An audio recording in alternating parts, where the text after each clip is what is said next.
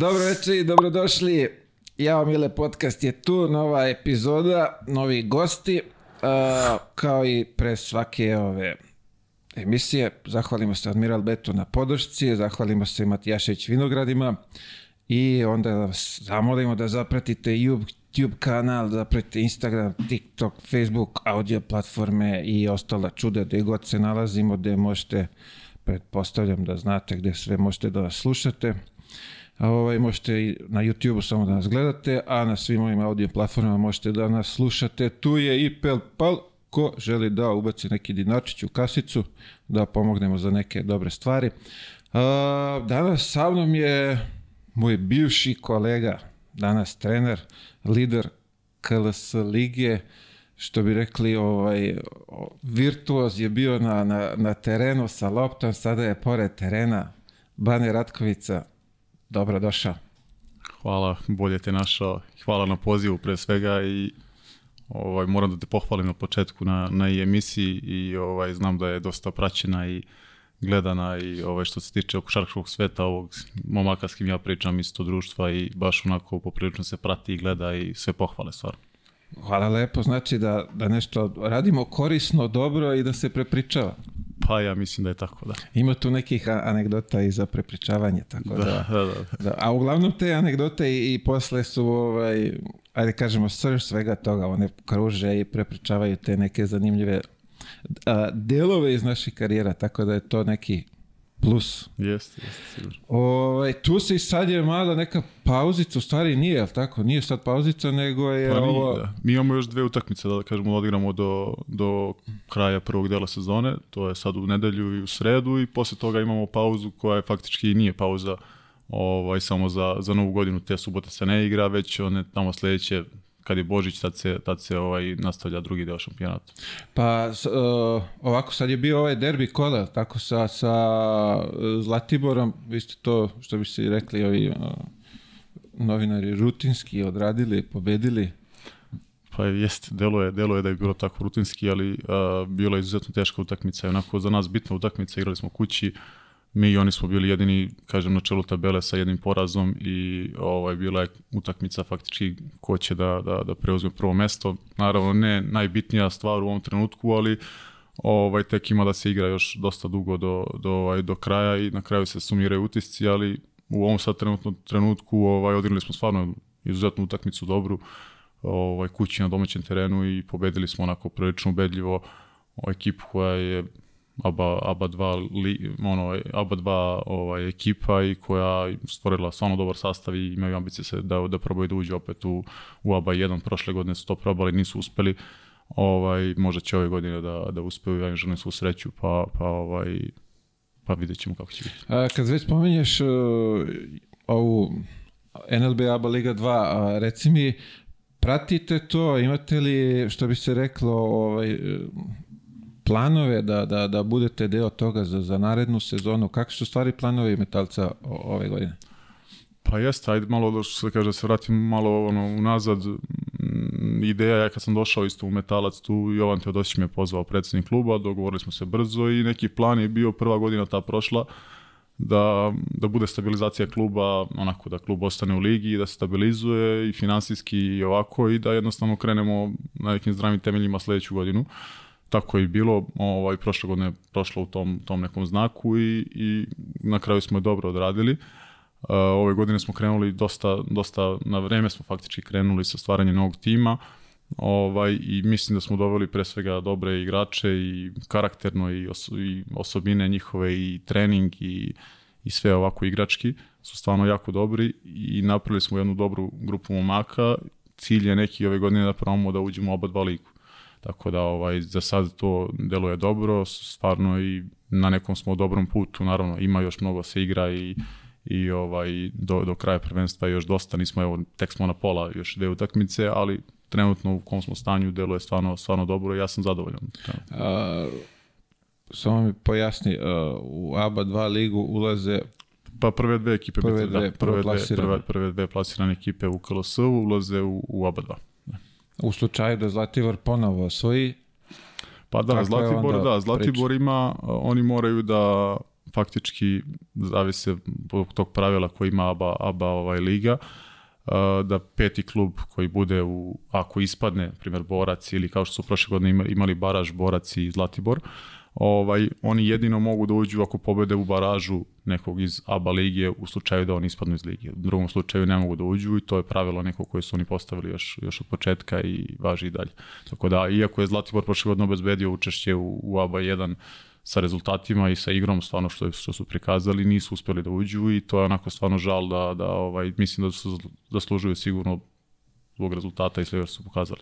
Vidi, totalno je malo jedno ludo pravilo da Jest, neko ko osvoji plasira se, u stvari se ne plasira, ne plasira zbog nekog tamo isto ludog pravila koje je izglasano kako god je izglasano, ali mislim da nije to u redu prema momcima koji su to ovaj, cijelu godinu potrošili na, da, da stignu do tog cilja. Pa da, nije, nije sigurno, ali opet s druge strane, mislim, svaka njima čas da su i ove godine isto, isto ambiciju imaju i s istom razmišljanjem, sa istim ulaganjima, možda čak i većim od prošle godine, ovaj, su ušli u sezonu da pokušaju ponovo da dođu do tog mesta. Tako da većina njih bi možda i odustalo i reklo pa nema ovo nikakve vajde, mi ulažemo, ulažemo, a suštini ne možemo da uđemo u, u ono što, što želimo. Ovaj, međutim, oni su stvarno ovaj, i ove godine napravili stvarno respektabilnu ekipu i ovaj, sigurno će biti opet konkurentni. O, želimo im svu sreću u nastavku takmičenja. Uh, sam dobro razumeo na kup se plasira samo prvi iz KLS ili prva dva? Tako je. Prvi, znači na, na ovaj, kako se zove, na polusezoni, on ide, on, on se plasira na kup, u Niš ide, ako bude u Nišu naravno.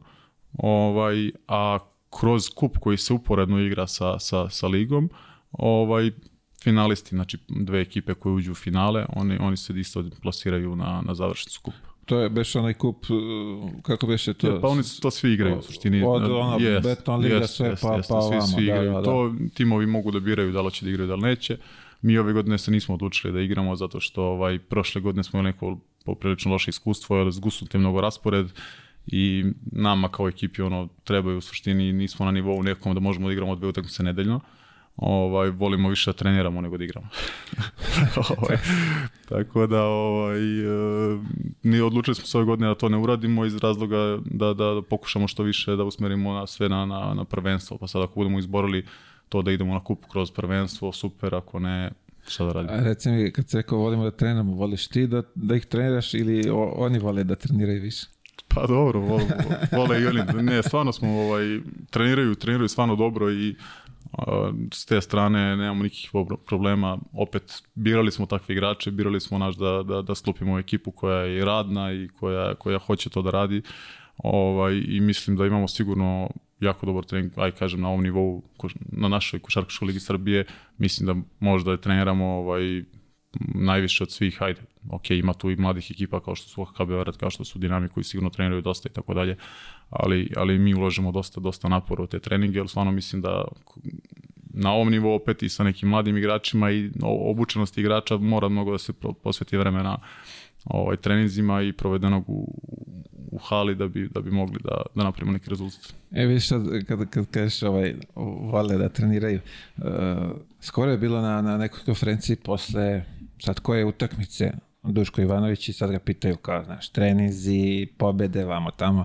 I on kao, da, da, kao, naravno, treniraju samo sad ovaj, ove pobede im daju moral da, da još više... Lakše ovaj, preživeti tako je, tako je, da. tako da i kod tebe. Jeste, ono, pa- treniraš verovatno naporno sve, ali kad pobeđuješ onda o, i ti trenizi ti lakše padaju. Pa to je činjenica svuda i kad šta god radiš, u suštini kad ima daje neki rezultat, uvek je lakše prebroditi te neke napore i neke teže stvari koje dolaze.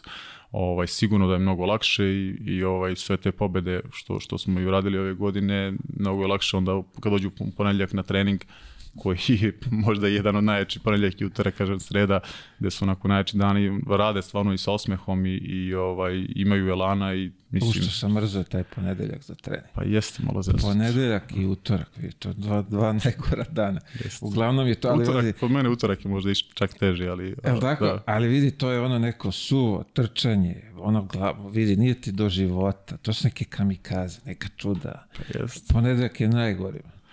Jeste, mislim, pravo si sve, ja sam, aj kažem, ono, kod Dekija Milovića u Megisom kad sam bio igrač, onako, to mi je bila posljednja igračka, igračka godina. Zato sam i tu sam pretrčao, pretrčao najviše u suštini ovaj, uh, i dužina i kazni i kamikaza i ovaj, ali moram da priznam da tak kad sam došao rekao da li je moguće kako ovako deki rekao ih maltretira sve ali nekako to uh, posle ti ta kazna mislim bile su kazne, kazne su bile i igramo 5 na 5 ko izgubi na treningu utrči 10 dužina za minut.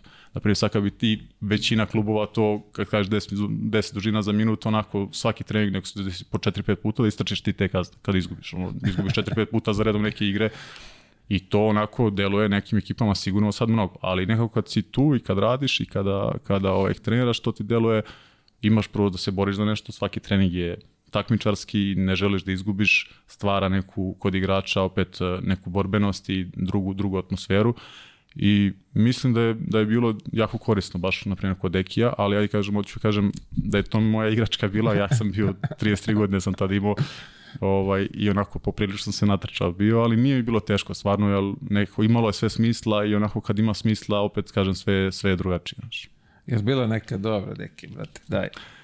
Pa dobro, bilo Vidim, još si najstariji, verovatno Jeste, da, neke bio protekcije. sam, imao sam, da, imao sam, kažem, ajde, malo neke, opet, naravno, to je nešto što je, ovaj, što je, što je i normalno, ali opet ja sam neki kroz igračku karijeru bio taj koji je uvek bio radnik i onako radio i nisam zabušavao previše. Ovaj, ali sigurno je bilo, imali smo par tih nekih kazni koje sam, ovaj, koje me onako deki poštedeo, jer onako bilo bi mi baš, baš onako previše da sam ja to morao da radim. Viš sad kad spominješ to trčanje, ne mogu se setim, mi smo trčali, dalje kod Pešića, kod koga je bilo šest komada za 34-5 sekundi, tako nešto. Pa znaš kako da, Jel deki, može to da stigne, sam ja nešto to... šest dužina, misliš terena za 35 sekundi? Tako, Da, da. da, pa može, pa mi smo kod Dekija za minut 10, 10 dužina za minut. Znači to je faktički. Znači to je otprilike Pa, to negde, da, da, da. Tako da to je, tome to je ja još, još teže. bio, ja sam uvek imao nekih dodatnih par sekundi.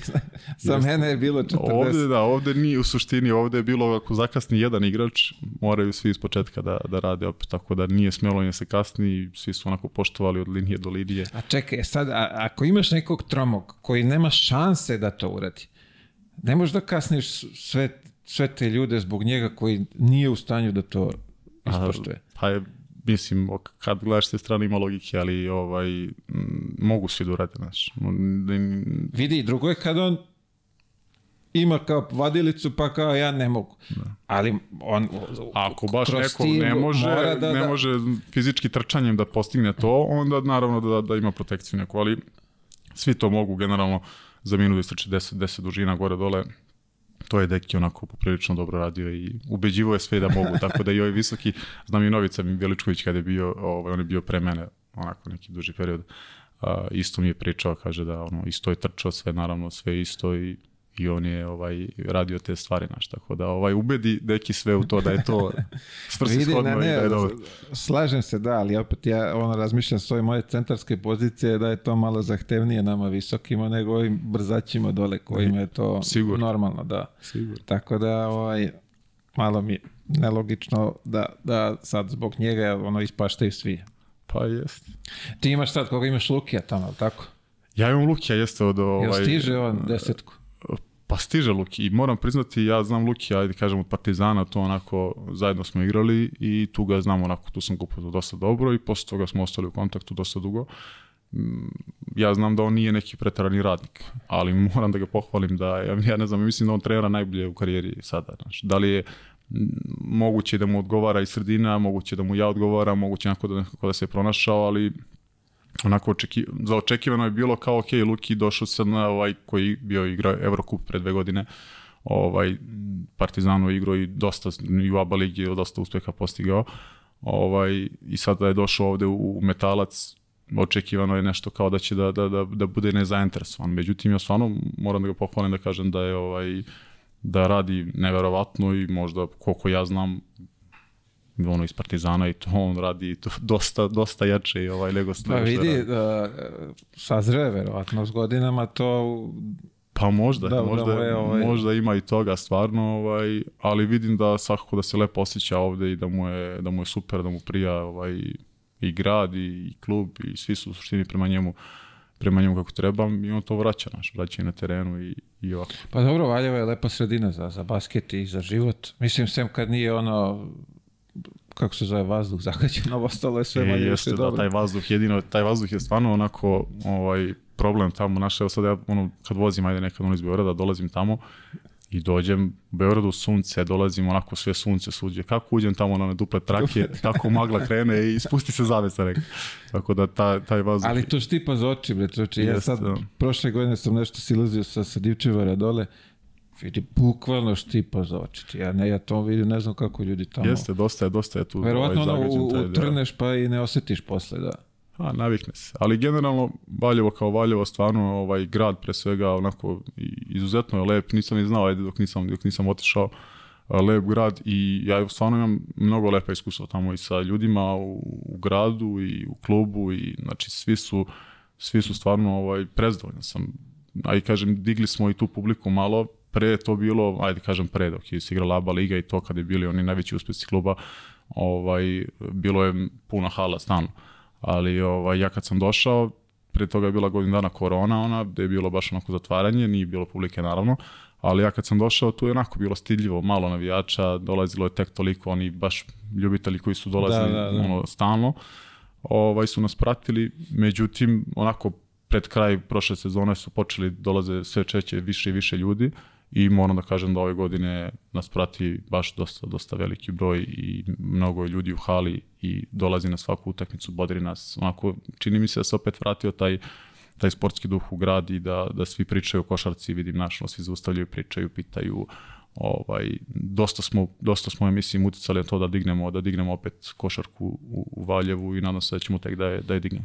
Pa vidiš, sa dobrim rezultatima dolazi i publika i sve. Kapiram da, da, da gubiš da si poslednji, ono, imao bi šest, sedam ljudi Pa u, jest, u hali, jeste, tako da, je- ima, ima i do rezultata sigurno, opet mislim da ima i malo i, ono, i do rezultata i do nas i do našeg ponašanja i kako mi reflektujemo sve te stvari, ovaj, trudimo se ono, da ide kao tim, da, da se predstavljamo na najbolji mogući način, tako da verovatno to ljudima prepoznaju i vide i onda ovaj, lakše im je da gledaju i da bodre taj tim i da budu uz njega. Znaš.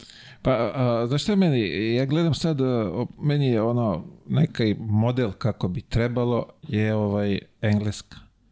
Ono svako selo imaju svoju publiku i oni navijaju za, za, za, za taj tim iz tog sela kao i one njih. Ok, tamo Arsenal, Manchester, šta već ne, ali ja sam odatle i moj tim je i, to, to je je to. sve i svi su na toj utakmici rasprodato sve, ali bodri se taj Jeste, lokalni tim. Tako bi trebalo, mislim, ali kod nas uvek to deli Partizan, Zvezda i Pa da, malo je to kod nas, kažemo, ajde najviše podeljeno Partizan i Zvezda, ali ima dosta i ovih ljudi po, po tim manjim gradovima koji vole svoje timove i koji naš posvećeni su posvećeni s timove i prate ih kroz, kroz godine.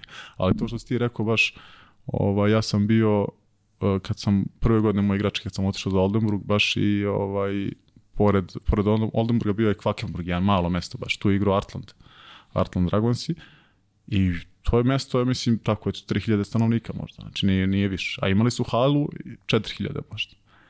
I oni su, ja nisam mogu da vreme, kad sam došao tamo puna hala, kažem, pa ko je došao do, imaju 3000 ljudi u gradu, oni svi dođu i povedu još i, i, i okole i tako, i napune halu i svaka, i to je baš bukvalno to što Ali si E, to je rekao, to, znaš, to je, to je neka draž toga Jeste, svega, da, znaš. i tako. Mislim, u Valjevu ne može, ne znam koliko može ljudi stane, može stane hiljadu i pol, ne da li može toliko. Pa može, Ali bitno je da ti hiljadu i pol non stop je svaku utakmicu tu, bez obzira, to je vaš klub, vaš grad, ono, ako nekog treba podržati, treba podržati svoj klub. da. Jeste, jeste, ali verujem mi da je sad to stvarno na jednom dobrom nivou, mi smo prezadovoljni, znači, ono, i dolaze i dece, dosta dolaze na utakmice, prati, što je isto bitno, onako, ta deca se ono, navijaju, gledaju, prate i ovaj, dosta, dosta to lepo izgleda. Pa vidi, to je način da i oni zavole da, Jest, da, da uđu jest, u da sport. privoliš, da, da, tako da, je, da. tu decu privoliš da, da krenu da, da razmišljaju o tome i da im se to svidi.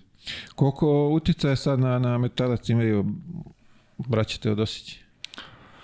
Pa Jovan je predsednik kluba i on u suštini obavlja sve te funkcije dužnosti koje, koje treba da obavlja i on ima velikog uticaja na, na sve ovo. Znači, da bez njega ne bi, ne bi faktički ni ja bio tamo, ne bi ni, ni se našli u ovoj poziciji koji se sad nalazimo. Tako da, ovaj, moje mišljenje stvarno, ako skromno sa strane, da je on dosta pokrenuo košarku u Valjevu, da i kad je došao da je imao onako prilično lošu situaciju u klubu, gde je onako sve o neke stvari ovaj na što se kaže na nulu i što je što je ovaj dosta počistio nekih repova od, od prethodnih sezona i krenuo, pokušao da stavi opet klub na, na, na neke sigurne noge, što je uspeo i evo već ove godine daje neki rezultat sve to što je, što je uradio i ovaj, mogu stvarno samo da, da ga pohvalim i da se nadam da će tako da, da se nastavi.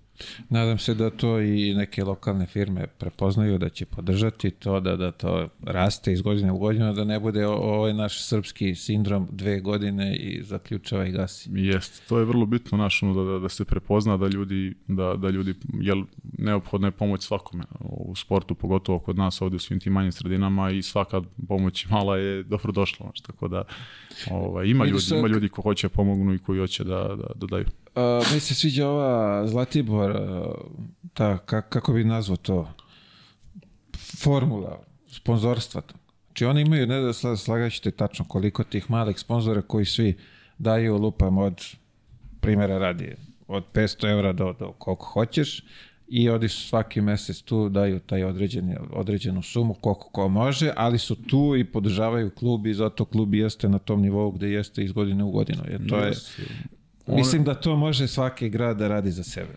Oni su sigurno jedan dobar primer što se tiče ulaganja u posljednjih par godina u sport kao neki eto, manji klub, kažem, iz, iz naše lige koji ulaže na, na pravi način. Stvarno imaju ovaj, i to je već, ja kažem, iz godine u godinu se kad su ušli u, u ligu, ovaj, sve su, sve su bolji i bolji i onako, jedan sad u posljednje vreme stvarno jedan stabilan klub što se toga tiče stvarno. Ne, vidi koliko oni, koliko oni godina već igraju ABA ligu, tako? Jeste, da. Pa I pre toga i sve, vidi, svaka im čas, skoro sam bio sa tamo nekim ljudima i sa Zlatibora i onda su mi objasnili kako to funkcionuje, što je ja duševno. Da. Jel ti, nije to neka velika matematika, te nađeš lupam koliko imaš kompanija u Valjevu, koliko ima, ajde prijatelju, daj koliko možeš, nije ti ono da te pa prisiljavamo, koliko možeš daš, možeš daš 100 evra, ali dobro da ih svaki mesec da može nešto da funkcioniše kako treba. A, reci mi, e, u, u Metalcu ili ima lokalnih igrača? To jest izvalja? Ima, ima ovaj, lokalnih igrača. To je onako bio i problem kad sam dolazio generalno, ovaj, ja kad sam seo s ocom da pričam, u suštini moje pitanje je bilo, ok, imali tu nekih u suštini juniorskih igrača, ali ja sam neko ko stvarno voli uh, volao bi da imam nekog mladog igrača i da radim s njim i da ovaj da to bude neki kažem ajde da ga gledamo kao nekog prospekta da možemo da da probamo nešto njega da napravimo. Tako da mi nismo imali tu sreće, imali smo neka dva igrača, jedan si po ove godine povredio koleno odmah na početku sezone, prošle godine ovaj jedan dečko je imao problema sa, sa srcem, tako da više on ni ne trenira i onako poprilično nam je sužen tu krug, jer oni posljednjih par godina, posljednjih ono nekoliko godina nisu preterano puno uh, obazirali se na te mlađe kategorije, mlađe selekcije i ovaj nisu ulagali u to, tako da to je dosta veliki problem Valjeva i nadam se da će se promeniti u nekom periodu da ja bih stvarno voleo da, da imaju neke juniore kadete koji, koji mogu i da se ulaže u to i sad je neki možda pravi moment da se to i pokrene i krene u tom smeru, jer jednostavno sve je lakše opet kad se ima neki rezultat i kada, kada ima neka podloga za to. Apsolutno. Uh, nadam se da ćeš uspeti u tom poduhvatu da i, izbaciš neke nove mlade Teodosiće ili koga već neke centre, ne znam ko je od centara iz Valjeva tamo popularan. Pa ima da, ovaj, ja se isto nadam, vidjet ćemo, bit će valjda, bit će valjda prilike. A, reci mi, ovo, nešto što mi je zapalo za oko sad dok sam ovaj, spremao se za tebe, što bi se reklo, ovaj, pa sam povezao, li, uh, imaš ti neke, uh, kako bi to nazvao, da, da se vodiš ne, nekim horoskopom kad klapaš ekipu? Pa nema, šta, šta si pogledao? Uh, nema, ne, ne bojim se. Vidi, ušao sam tamo na ovaj, kako zove, KLS Liga, onaj sajt, da. znaš. I tamo negde kad čačneš, da se zove roster ili šta već, svi rođeni 1. januara u ekipi. Ja ovako gledam jedan, drugi, treći, peti. Svi su prvog januara. Svi prvog januara, rekao nemoguće, ovaj neka... Greška. Ovaj, kako se zove, Diego Simone, neka varijanta da po horoskopu sklapa ekipu. A u stvari to je samo neka tamo... Nisu ažurali, a, a, ažurali sad. Ažu, vidi ili neko toliko bio lenj da ga je mrzelo tamo da uđe u tu neku drugu kolonu da popuni kako treba. Pa jeste, moguće. ali bukvalno, ko bude hteo, može da odbrati pažnju. Znači, uđeš tamo sve, ima ono kad uđeš na ekipu taca, slike, sve super, i ovamo negde neki, ja mislim piše roster, šta već, klikneš na to, svi su 1. Mm. januara. Samo su i menjali godine. ne znam da su i godine tačno i to treba provjeriti neko ko se bavi tim. Svi su 2000. To, to, ja rekao, vidi ga ovaj novi čulo si one ovde kod nas sklapa ovaj, rekao sve, je tako Jarčevi su u januaru, rekao, sve ovaj okupio u ekipu. A, dobro, znači to je samo do, do, do njihovih, ove, kako se zove. Ovaj, e, šta sam zanimljivo hteo za, za KLS, kako vidiš ti u stvari KLS, kako, kako to, kako to sad izgleda i, iz tvog ugla? Pa iskreno ti kažem, ja kad sam onako završavao tu karijeru, uh, igračku i kad sam počinio trenersku, gledao sam taj KLS onako sa neke kao pa nije to toliko ni teška liga, to onako generalno loš kvalitet i tako dalje. Ovaj, međutim, onako malo kad uđeš dublje u sve to, ovaj, dosta, je, dosta je liga uh, iskusna, dosta ima iskusnih igrača, uh, namazana je liga i onako uopšte, uopšte nije lagana za, za igranje. Ni za mladog igrača nekog nije toliko lagana, dobra je, zato što se stiče dosta iskustva i onako dosta nekih stvari se nauči, ali ovaj da je lagana za igranje nije, nije ni malo i ovaj dosta se ljudi tu pre, prevare kad misle ok, ma šta je ovo, pogledajte njih i tako dalje, ali kad stvarno su tu na terenu i kad to krene, ovaj tek onda vidiš da tu malo ovaj nije baš to tako kao što se deluje sa strane. Tako da mislim da sama liga i to da da je dosta napredovala i da napreduje iz godine u godinu i ti klubovi i u neka ulaganja i ovaj i sama organizacija. Što se tiče klubova, imamo dosta tu klubova koji su stvarno stvarno dobri i koji hoće da da naprave neki rezultat, da se vrate na neke u ABA ligu da uđu ili tako dalje. I ovaj ima sigurno aj kažem ove godine i Spartak koji je ušao iz iz ovaj iz, iz B lige ušao u KLS i ima ozbiljne ambicije već da uđe odmah u ABA 2 ligu ako ako može. Uh, Vojvodina koja je isto prošle godine imala ABA, ABA 2 ligu, ima velike ambicije da se opet vrati tamo. Ovaj, ajde uz nas i uz Zlatibor, tu je i Sloga isto koja već ove godine igra ABA 2 ligu, ovaj, međutim oni su krenuli malo slabije, ali, ali isto su im ambicije da, da probe opet da napravi što bolji plasman, tako da ima tu dinamik koji je napravio stvarno onako dobru ekipu, oni već godinama, ovaj, kažemo, onako baziraju se isto na nekim svojim igračima, i uz nekih par iskusnih, 4-5 ovaj, iskusnih igrača pokušavaju da, da naprave dobar tim i ove godine su stvarno onako sazreli su poprilično i dobre rezultate mi je to jedini poraz od njih imamo ovaj, to je bilo onako poprilično bolan poraz što bi se rekli. Na njihovom terenu ili kuće? Ne, kod nas. Kuće. Još smo onako okay. vodili smo poprilično dosta i, i ovaj, izgubili smo na kraju utakmicu nekim našim greškama, tako da ovaj, to je onako utakmica koja nam je što se kaže, boli nas i dalje, ali, ali smo naučili iz nje dosta, onako jedno dobro iskustvo da se nauči, ali to je jedini poraz što imamo do sada. 10 minuta loše igre nas je koštalo da, da izgubimo utakmicu. Pa vidi, ako gledamo sad ovo svetsko prvenstvo, Francuska je za dva minuta dala dva gola. To je tako tačno. da, Mogla je i tri da da. Mogla je tri, tako da, viš, to je sve u tim nekim malim Yes. segmentima od par minuta može svašta da se desi, tako da i i u sportu. Pa evo sad je bilo Partizan FNP, koliko je bilo Jest, 2 plus 2 i 7, bre, oni odu, tako je. tresu se gaće da li će da pobede. Na kraju se vratili na, na, na, na, na, na jedan posjec faktički. Tako da. je, da. Tako da ovaj, to je normalno, ali bitno je da se, što ti kažeš, nauči nešto iz toga. Pa jest, zato, mislim, zato je košarka i zanimljiva igra, stvarno, ali dosta dinamična i onako nepredvidljiva i mora se igrati 40 minuta da bi da bi dobio utakmicu, nema šta. Šta je sad u KLS vruć teren? Pa vruć teren je sigurno Valjevo. To je sigurno za, za sve ekipe vruć teren Valjevo, jer opet kažem, siguran sam da nema ni jedna ekipa to što mi imamo što se tiče navijača i pune hale. A, posle nas ima tu dosta, dosta nekih, ajde kažemo, Kraljevo ovaj, je tradicionalno onako težak teren. O, Zlatibor mislim, e, ima tu i Pazar isto je ovako poprilično, poprilično težak teren. Uh, A kad kažeš težak teren, uh, težak teren u smislu publike i pa svega Pazar, toga? Pazar, ili Pazar kao... ima publiku, na primjer, isto dosta, ovaj, dosta publike dolazi gleda navija Bodri. Uh, Kraljevo se isto diglo, pogotovo prošle godine kad su napravili stvarno dobar rezultat, tako da mi sad baš idemo u Kraljevo u nedelju.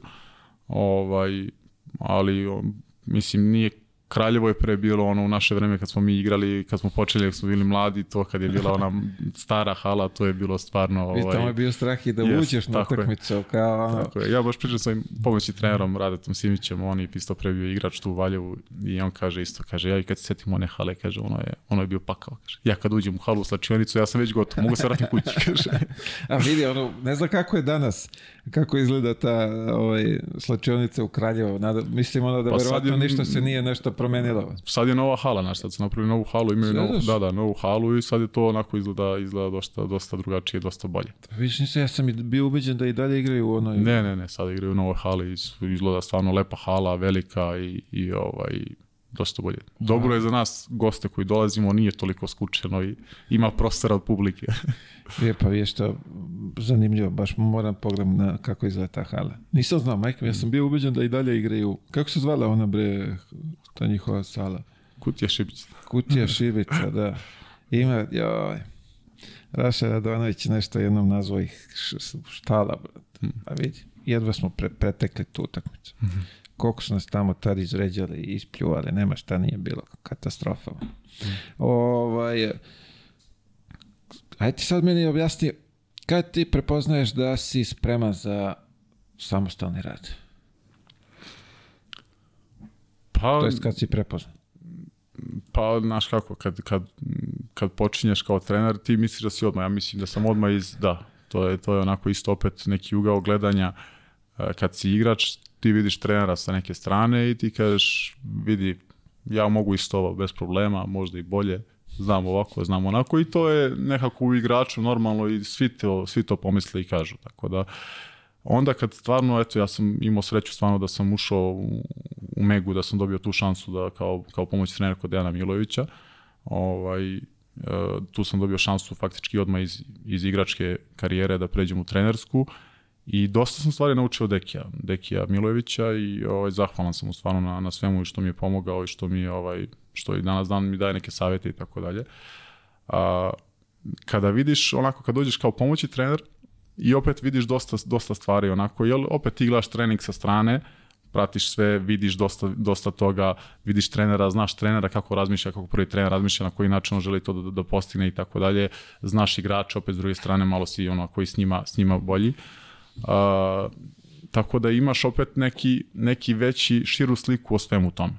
Ovaj, a, naravno i tad misliš, jeste, da mogo bi ja ovo, ovo je relativno lako. I onda kad dođeš, kad dobiješ stvarno šansu da, da, da, da postaneš trener i da vodiš računa o svemu, onda sve shvatiš koliko to sve nosi nekih i, i obaveza i odgovornosti i faktički ti brineš tu od 12 ljudi, 15 koliko ih imaš u, u, u timu, o njihovim životima, znači ne samo o terenu, znači ja ne pričam samo tu o terenu koji je, kažeš, glavna stvar, ali ima mnogo stvari i oko terena, i oko kluba, i oko svega, komunikacija sa, sa novinarima, sa navijačima, sa kako god, mislim, mogu da zamislim kako je to samo na veći nivou, ovaj, pričam ovo iz mojih susa koje sam imao do sada, ovaj, ali sigurno, sigurno da je, da je mnogo, mnogo teže nego što ljudi posmatraju sa strane. Jer prvi trener je onako dosta komplikovano, moraš da vodiš računa o svemu, da, da razmišljaš za sve njih, da, da pokušavaš da držiš tu jednu celinu kako treba, jer naravno svi znamo da je, da je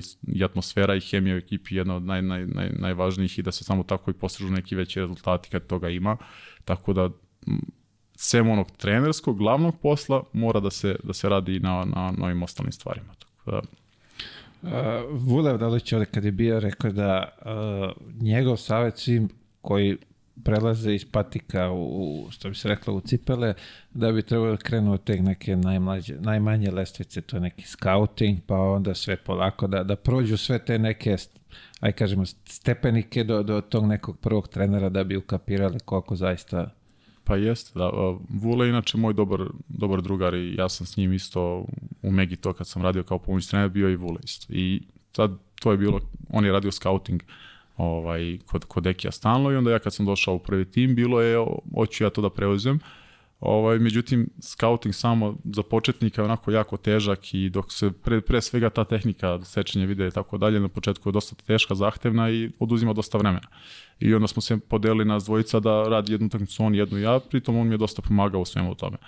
I moram da kažem da sam dosta, dosta se naučio iz tog scoutinga iz, iz samog gledanja utakmice, ti faktički tu pogledaš, aj što ti pogledaš svaki, svake nedeljno koliko utakmica pogledaš. Ali kad se spremaš za nekog protivnika konkretno, pa pogledaš 3-4 posljednje utakmice, pa onako vraćaš tu utakmicu po 500 puta unazad, sečeš i tako dalje, uh, učiš iz toga dosta i onda pričamo svi zajedno tamo u, između treneri između nas kako šta i onako mnogo je mnogo je bitno da ta, ja mislim da trener prođe kroz kroz taj deo scoutinga i svega toga. Ovaj, uh, sad to sama činjenica, ja nisam sebe video u tim nekim mlađim kategorijama, kadeti i tako dalje, da, da, da vodim neku ekipu na taj način. Mene je, ono, uvek mi je bilo ok, prvi tim je nešto onako što bi stvarno, što bi stvarno želeo, tako da ovaj, ne mogu da kažem da je neophodno možda proći kroz, kroz te neke mlađe selekcije da bi postao trener, ali ima sigurno dosta stepenika koji ne bi trebao trener da preskoči pre nego što kažeš ajde postave neko i da, da proba da završi. E, sad kad ste spomenuo, šta je tebe odbijalo od tih mlađih selekcija? Pa pre svega ono možda što nema toliko tog nekog taktičkog dela, znaš, jer ti kad vodiš neku hadesku ekipu, ti ne možeš njima ni da, ni da objasniš da nacrtaš neku akciju, nego to su ono basics, obične stvari koje trebaju da rade i što stvarno tako treba da bude. Ovaj, ja ipak više volim malo to, eto, da, da nešto komplikuješ, da, da komplikuješ. Tako da, ovaj, to je eto nešto što bi mi kažem da me odbijalo od, od, od tih stvari. Rad sa Dekijem, kako to izgledao? Fenomenalno. Deki je jedna osoba vrhunska, kao čovjek, kao, kao trener, naš, i stvarno sve, sve ovaj, pozitivne stvari imam za njega da kažem, ovaj, opet kažem, dosta mi je pomogao i u trenerskoj karijeri, uh, od samog starta, znači i od, i od priče i od uh, komunikacije, biti njemu pomoći trener je naš nešto fenomenalno. Ja, obično kad slušaš sa strane neke trenere koji su pomoćni kao naš pomoćni trener samo ovome, pomoćni onome, pa nije to baš ne izgleda sjajno. Pomoćni trener Dekiju je najbolji posao na svetu. Stvarno. Da, jer Deki je stvarno ima odličnu komunikaciju sa, sa, sa, sa pomoćnim trenerima, što je onako jako bitno. Uh, uh, hoće da ih čuje, hoće da, da priča sa njima, naš, Pita hoće da, o, tako, hoće da usvoji stvari. Nije od onih trenera koji sad priča s tobom i, i ti mu kažeš nešto, a on faktički te ne čuje i uopšte ne želi da priča s tobom. Da, da, da, da, Deki, ti kad vidiš i oni kad pogreši, naravno svi greše i tako dalje, i kad je u pravu i kad nije, on, on objasni zašto misli da je to tako, zašto misli to tako treba i tako dalje i provodi dosta vremena sa, sa stručnim štabom i onako bili smo stvarno jedna dobra družina te godine ovaj, kad sam ja bio pomoći trener i to mi je onako baš ostalo upečatljivo. Jedna baš onako super godina što se toga tiče i druženja i učenja i svega onako ovaj, kako je bilo. Kako je izgledalo to tvoje, ajde, prvo samostalno vođenje ekipe? Ti si u OKK uzeo, tako? Jeste, da. OKK, pa dobro, onako u početku uh, tražio sam se još uvek u smislu tom da, da ovaj, nije lako to odma sad si kao glavni i sad kao šta sad? ovaj, e, bilo je dosta tu naravno komunikacije i sa, sa Dekijem i sa nekim ostalim ljudima s kojim sam se čuo, ali, ali ušao sam u to nekako hrabro, mislim da, da ovaj, dao sam, dao sam sve od sebe, dao sam naš, ono, ajde, prve godine dajem i sad naravno, ovaj, ali teo sam da, da probam, imao sam tu želju stvarno da, da postanem prvi trener i to mi se ostvarilo i mislim da sam onako dosta i posvećen i da, da, da dosta radim na tome i da napredujem i da, da učim i da slušam i tako da svi, svi treneri, mislim i oni najstariji što vode i Euroligu i što su osvojili ne znam nija šta, oni isto napreduju, znaš, stalno, stalno uče koliko god da znaju, koliko god da su dobri, oni imaju, imaju prostora da napreduju i da nauče nešto, tako pogotovo mi početnici koji, koji smo na početku sigurno imamo dosta toga da, da naučimo, da vidimo i ovaj, ja što se kaže, što se te strane tičem, vapim sa znanjem. Reci mi, uh, imaš nekog mentora? Pa nemam Ako nekog... možeš tako da se nazove mentor. Nemam mentora nekog, imam dosta onako nekih ljudi koji mi se sviđaju kako vode ekipe, način na koji rade, naš, kako rade, ali sad nešto konkretno da bi izdvojio nekog ne, naš, ono, aj kažem, eto rekao, spomenuo sam Dekija, koji je onako dosta, dosta uticao na sve to, ali pokušavam da, da budem svoj onako, da, da izgradim neku svoju ličnost, I jel, stvarno sam mišljenja, ne možeš ti da kopiraš ni u kom poslu ni, ni jednog ni čoveka, ni trenera, ni igrača, ni, ni, ovaj, ni osobu. O, svako treba da bude svoj najbolja verzija sebe i onda ćeš da budeš najbolja verzija koja može da budeš. Tako da ovaj, to je neki, neki princip u kome se ja vodim.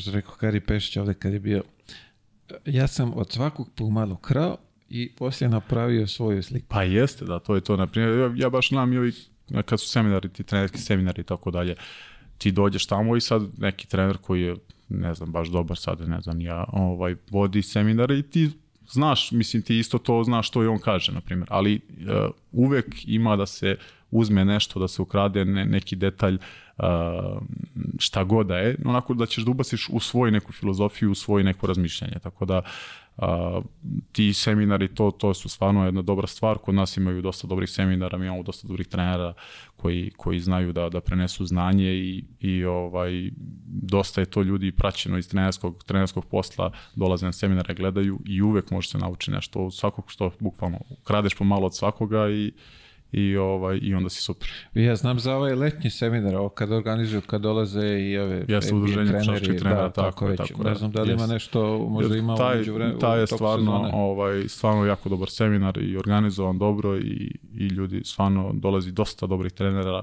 onako poprilično, poprilično dobar seminar. Pa vidi, kapiram da ako od svakog po, po deliću kradeš da može ovaj, da, da se napravi zanimljiva stvar za tebe. pa to jeste.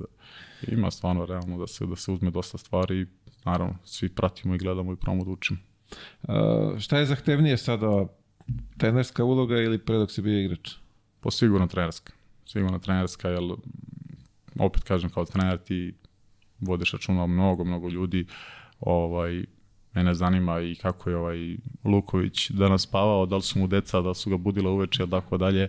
Ovaj, tako da kad si igrač ti samo razmišljaš o sebi, kako da jedeš, kako da se naspavaš, da se odmoriš i to je to. I Dobro, ti si bio playmaker, ti si morao malo da razmišljaš i o tih pet trenutno na, na terenu, tako da nije baš da, da, da da si mislio samo na sebe. Pa jeste, da, ali kažem samo u nekoj pripremi ovaj, do, do same utakmice, ok, kad dođeš na teren i naravno daješ sve od sebe da pobedi ekipa, da nađeš najbolje rešenje za ekipu, ali o, sama priprema za utakmicu, nedelja koja se provede u, ovaj, u trenizima, ti kad si igrač, legneš, spavaš, jedeš, odeš na trening, umoriš se, ovaj, a kad si trener ti odeš na trening, umoriš se tamo isto, iscrpite i onda dođeš kući, onda gledaš video, pa sečeš, pa pratiš, pa pratiš i druge ekipe, pa razmišljaš, tako dalje. Ima dosta, ovaj, dosta posla izvan treninga za, za trenere, a za igrače nema toliko našo, za igrače samo odmor. Pa, vidi što se trenerske karijere tiče, želimo da to lepo sklapaš tu svoju sliku, praviš svoj neki identitet, da te prepoznaju, pa ima neki plan za, za da bežiš preko ili da gradiš ovde? Pa, iskreno, meni je sad, ajde, onako, ja bih stvarno volao da se držim negde ovde na ovim prostorima ovaj, neki period iz prostog razloga, imam troje dece, znaš, male i ovaj, žena i troje dece, naravno, uh, gde jednostavno ne, ne bi mi odgovaralo sada negde da idem daleko, da, da ovaj, ne bi mogo to, jel, mali mi je sad krenuo u školu, čerka isto ide u školu, ovaj, uh, tako da vezan sam dosta za, za Beograd, uh, volao bi neki period naravno da provedem ovde, da, da, da, da, da stasam što se kaže, da, da, da, da naučim ispečan zanat, pa Bože zdravlja, vidjet ćemo kad, ovaj, kad dođe vreme, ako dođe vreme, kako će se otvore stvari. Bi, biće to sve kako treba. Ovaj, ajmo sad polako mi nazad u detinstvo da vidimo kako si kako je izgledalo to tvoje odrastanje, kako si ti zavoleo sport. Pa, ja sam da, ovaj, kao mali sam trenirao futbal prvo, naravno većina nas je kao krenulo sa futbolom i tako bio dalje. Bio si u špic 100%. Ma nisam bio sam mali, nisam bio ništa. Ovaj brat mi je bio na trenirao futbol, pa ja s njim, on je četiri godine stariji, pa s njim isto hoću futbol, hoću futbol i tako dalje. Međutim, ovaj, pa šta sam, nego u četvrtog razreda sam krenuo da treniram, da treniram košarku, onako došla neka analetikica u školu, ajde da treniram košarku, ja kažem mami ajde, ako možeš pri, ovaj, prijavi me, ona došla, prijavija me i tako sam krenuo u Zemunu. Zemun, ovaj, drvo market je bio tada. Ovaj, I tu sam proveo onako dosta, dosta dug period i tad smo imali stvarno onako jednu finu ekipicu, bio je, ne znam da li ti sećaš Pera Ivanić, Miloš Kolaković, ne sjećaš se možda ti njih. Mi smo osvojili tad sve ono i prvenstvo Beograda i tako dalje, kao klinci. Čekaj, ti si uh, od Novice stari, jel tako? Jesam. da, Novica da, je Novica. koliko godinu mlađi? Godinu dana, da. Pa jeste i zajedno bili tamo? Nismo, je nismo, nismo. Drvo market da, isto ali i nismo njegov. bili, nismo bili isto ovaj, uh, u istoj selekciji. Bili. Ja sam ono bio sa, četvr, sa 84. i 5. a on je bio sa 86. i 87. Aha, aha, aha, okej, okej. Ali dominirali ste? Jesmo, da, tad smo bili ono, osvojili, bili seća se prvenstvo Beograda, tad je bio Petrol bio ovaj, bio Petrol je tad bio najjači, ne znam, imali su Kostu Perovića, Micova, Aleksij Nešović i tako dalje, Boris Segerić je bio jedan tad isto, nije posle trenirao više i onako bili su poprilično, i Klipa ih je vodio, slobodan Klipa, i o, poprilično jaki, mi dobijemo to u finalu, Ivanić da taj trojku na, ovaj, za, za pobedu i odmah posle finala oni reaguju i dovedu mene Ivanića i Kolakovića, tog isto ovaj, Pokupi šta da, valja. pokupe nas, da. I onda sam u Beopetrolu bio ovaj, faktički do, do prvog tima. Ovaj, ta generacija u Beopetrolu je bila stvarno, stvarno ovaj, dobra, da, to je ono Micov, Kosta Perović i ovaj, bilo je tu još onih igrača koji su igrali nekim nižim nivoima, ovaj, ali ali stvarno smo imali jednu baš, baš dobru ekipu i bilo je odlično druženje, pravo ti kažem, i onako sve, osvojili smo isto dosta stvari, ono, prvenstva razne, tako da... A, šta ste osvojili? Vi Sad kad spominješ to, nešto se ne sećam, bre, ako ste igrali Jer ako niste igrali za mlađe, 84, nisam vas... Pa 85 smo osvajali, da, osvojili smo sve bili, su, ono, i Beograd i Srbiju i ono, Srbija, Crna Gora, sve, sve smo bili, bili osvojili. Bilo u Čačku smo ono igrali, isto smo osvojili, tad smo osvojili, bilo prvenstvo Srbije, Čuveni čačak. da. Mm, tako da, bilo je stvarno ovaj, e, dobrih, dobrih ovaj, rezultata tad u tom periodu. A kad si počeo sa, sa, košarkom, si mašto nešto dokle bi da dogureš? Pa jesam, mašta sam. Ja, tad. Svi maštamo morali, daš, ovo, tako da ovaj, u suštini jeste, maštaš da budeš najbolji što možeš da igraš, vidiš sebe, tamo vidiš na televizoru nekoga pa kažeš ja bih volio da budem tu. Ali ovaj, u suštini sam zadovoljan sa svojom karijerom, znaš, kako je, kakva je bila, a, koliko, sam, koliko sam uradio i ovaj, ne bi ja tu ništa nešto pretarano menjao što se toga tiče. Pretpostavljam da je i Sale Đorđević bio neki od uzora. Pa jeste, svi smo tad gledali na njegovu trojku onu i tako dalje, sve to bilo i on kad smo bili klinici reprezentacije i ono uzmeš, kupiš dres od Đorđevića, 10 bilo Srbija, o, Ju- Jugoslavija, Jugoslavija, i, da, da. i onda si tad, tad si glavni. Ovaj, Beo Petrol sa slovom klipom, tako si rekao, da? Jeste klipa. aha. Ovaj, to posle neka fuzija, ne šta se dešava? To prerasta u neki atlas, je Jest, tako? tako? je, da. Atlas je to bio posle toga. Ovaj, mislim, ja sam dobio tu priliku kod, da igram za prvi tim Beopetrola kod eh, Predraga Badnjarevića. Tad je on bio trener uh, i on mi je stvarno dao prvi šansu tu da, da Jel vas zaigram. povukao, izvinjaj, povukao vas sve tad iz te mlađih Pa i jeste, Kostu i da, Micova Kosta, ili... Kosta je otišao ranije isto u prvi tim. Uh, Micov je nešto imao neku epizodu, otišao je, prešao je ovaj, neki tu klub sa Novog Beograda, pa se posle nešto vratio i tako dalje, ali ovaj, da Kosta Perović je dosta dobio ranije šansu od svih nas. Uh, ja sam tu ovaj, posle toga i kažem, kad je došao Predrag Banjarević, on me je povukao u prvi tim i ono, tu sam dobio šansu poprilično ovaj, poprilično, poprilično dobro koju sam bio iskoristio posle toga da, da ostanem. Jer mnogo je težak taj period, znaš, sam iz juniora u prvi tim, gde onako dosta, dosta se igrača izgubi, znaš, i dobrih i, i neki loši i slabiji igrači postanu, postanu bolji uh, i to je onako dosta neki komplikovan, komplikovan period za, za mladog igrača. Kako tebi izgledala ta tranzicija, nazovimo je, iz, iz tog juniorskog u, u prvi tim? Uh, pa i, aj kažem, ono, ja kad sam igrao za taj Zemun pre, ja sam, ono, dao sam po 30 poena, bio sam, ono, kao, poenter, ja samo i tako dalje. Posle kad sam prešao tu u Beopetrol, tu je naravno bilo isto opet dosta igrača koji, koji su mogli da daju koš i onda sam tu već onako malo se orijentu sa neke druge stvari. Vidio sam da mi leva baš preteranog ovaj, kleba u tim poenima, ovaj, pa sam faktički ono kad sam zaigrao za prvi tim, meni je ono Padnjarević rekao, slušaj sine, samo igraj odbranu, prevedi loptu i, I to je, i to je to, i igraćeš 100%. I tako je bilo stvarno, ja sam onako gledao da kao mlad, da, da, na taj način sam jedino mogu da dobijem šansu da uđem u igru i da to bude odbrana na, na, na, na 200%, da, da, da kidaš po celom terenu stalno, da si stalno u ritmu i da u napadu ne filozofiraš ništa, prevedeš loptu, nađeš najbolji igrača, ne znam, tad su bili ovaj Vuksanović, Koska i ovi ovaj, nađeš njih tamo, on dodaš im loptu, oni daju koš, ti se vratiš, opet igraš odbranu za njih i to je to. Čekaj, evo sad si ti trener, brate. Reci, je, je Ja, kažeš ti nekom svom igraču, sine, prenesi loptu i ne smetaj, brate. Ko je, mislim, me, ja to ne mogu se pomeriti s tim da Pa, naš, trener da ulogu, ej, prenesi loptu i ne smetaj, samo prenesi i to je to. Meni to nekako ubijanje tog talenta deteta, ako ima već neke, ono, te, aj kažem, osjećaj za koš, pa ne možeš tek tako kao prenesi loptu i skloni se. Dobro, mislim, u svakom slučaju nisu svi, a, nisu svi ni isti igrači, ni, ni, ni iste mogućnosti nemaju.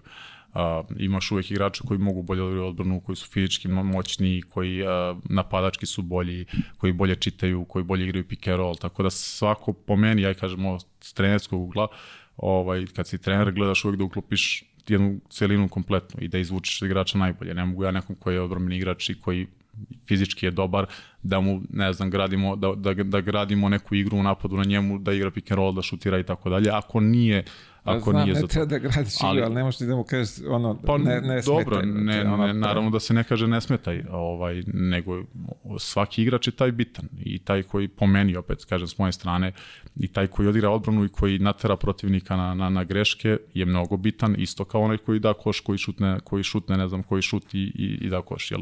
Da nije ovaj odigrao odbranu, ne bi ovaj ni dao koš.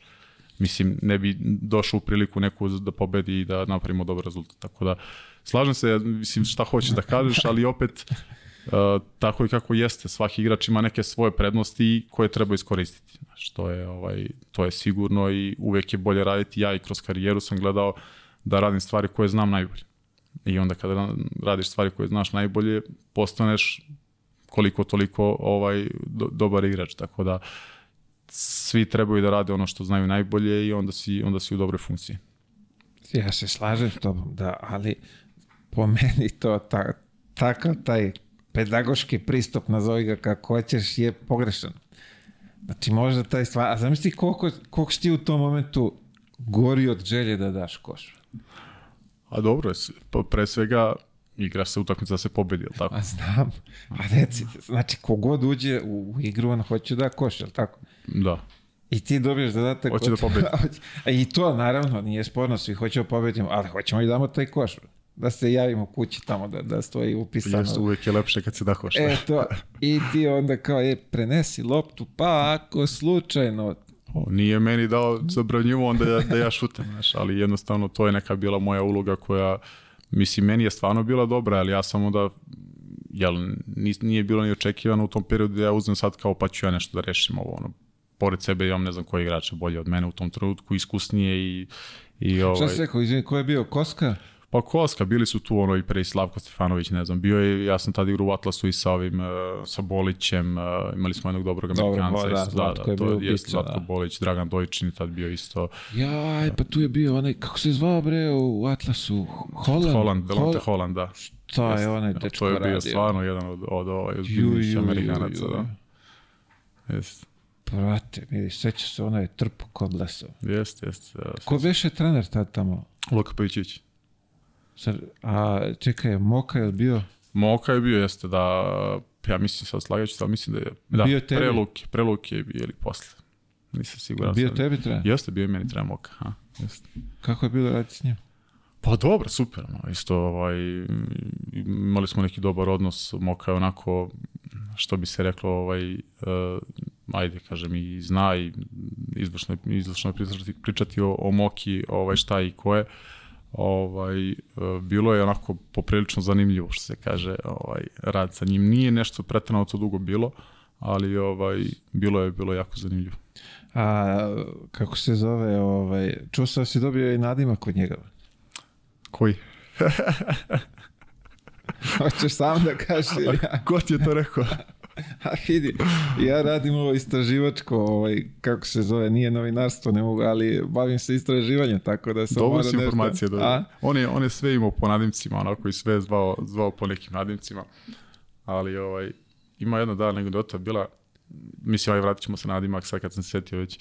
Uh, mi igrali smo utakmicu, ja mislim, uh, Zadar, slagaću ili tako nešto. I ja sam odigrao nekih tipa 20 minuta, onako kao mlad, nije to bilo loše, onako tu i tamo usponi padovi.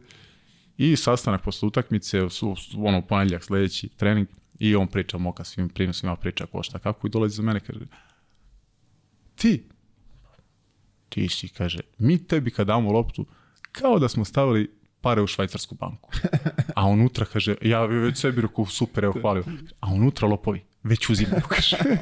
već uzimaju kradu. A rekao, ja, to mi se rekao, pohvalio me, super, znaš, ono, ali u suštini, stvarno sam tu sam utakmicu izgubio neke bio lopte, ovaj, nije baš bilo, kažem, ajde nešto sjajno, ali, ali ovaj, eto, i uvijek je imao tako neke anegdote, fore, gde je onako pokušavao neki da, da ostvari odnos sa igračima. Tako je da on pokuša to na, na neki njegov humor da, da to mm. dočara. Nego su mi rekli da, da te prozvao Menka, ne znam menka, zašto. Menka, Menka, da.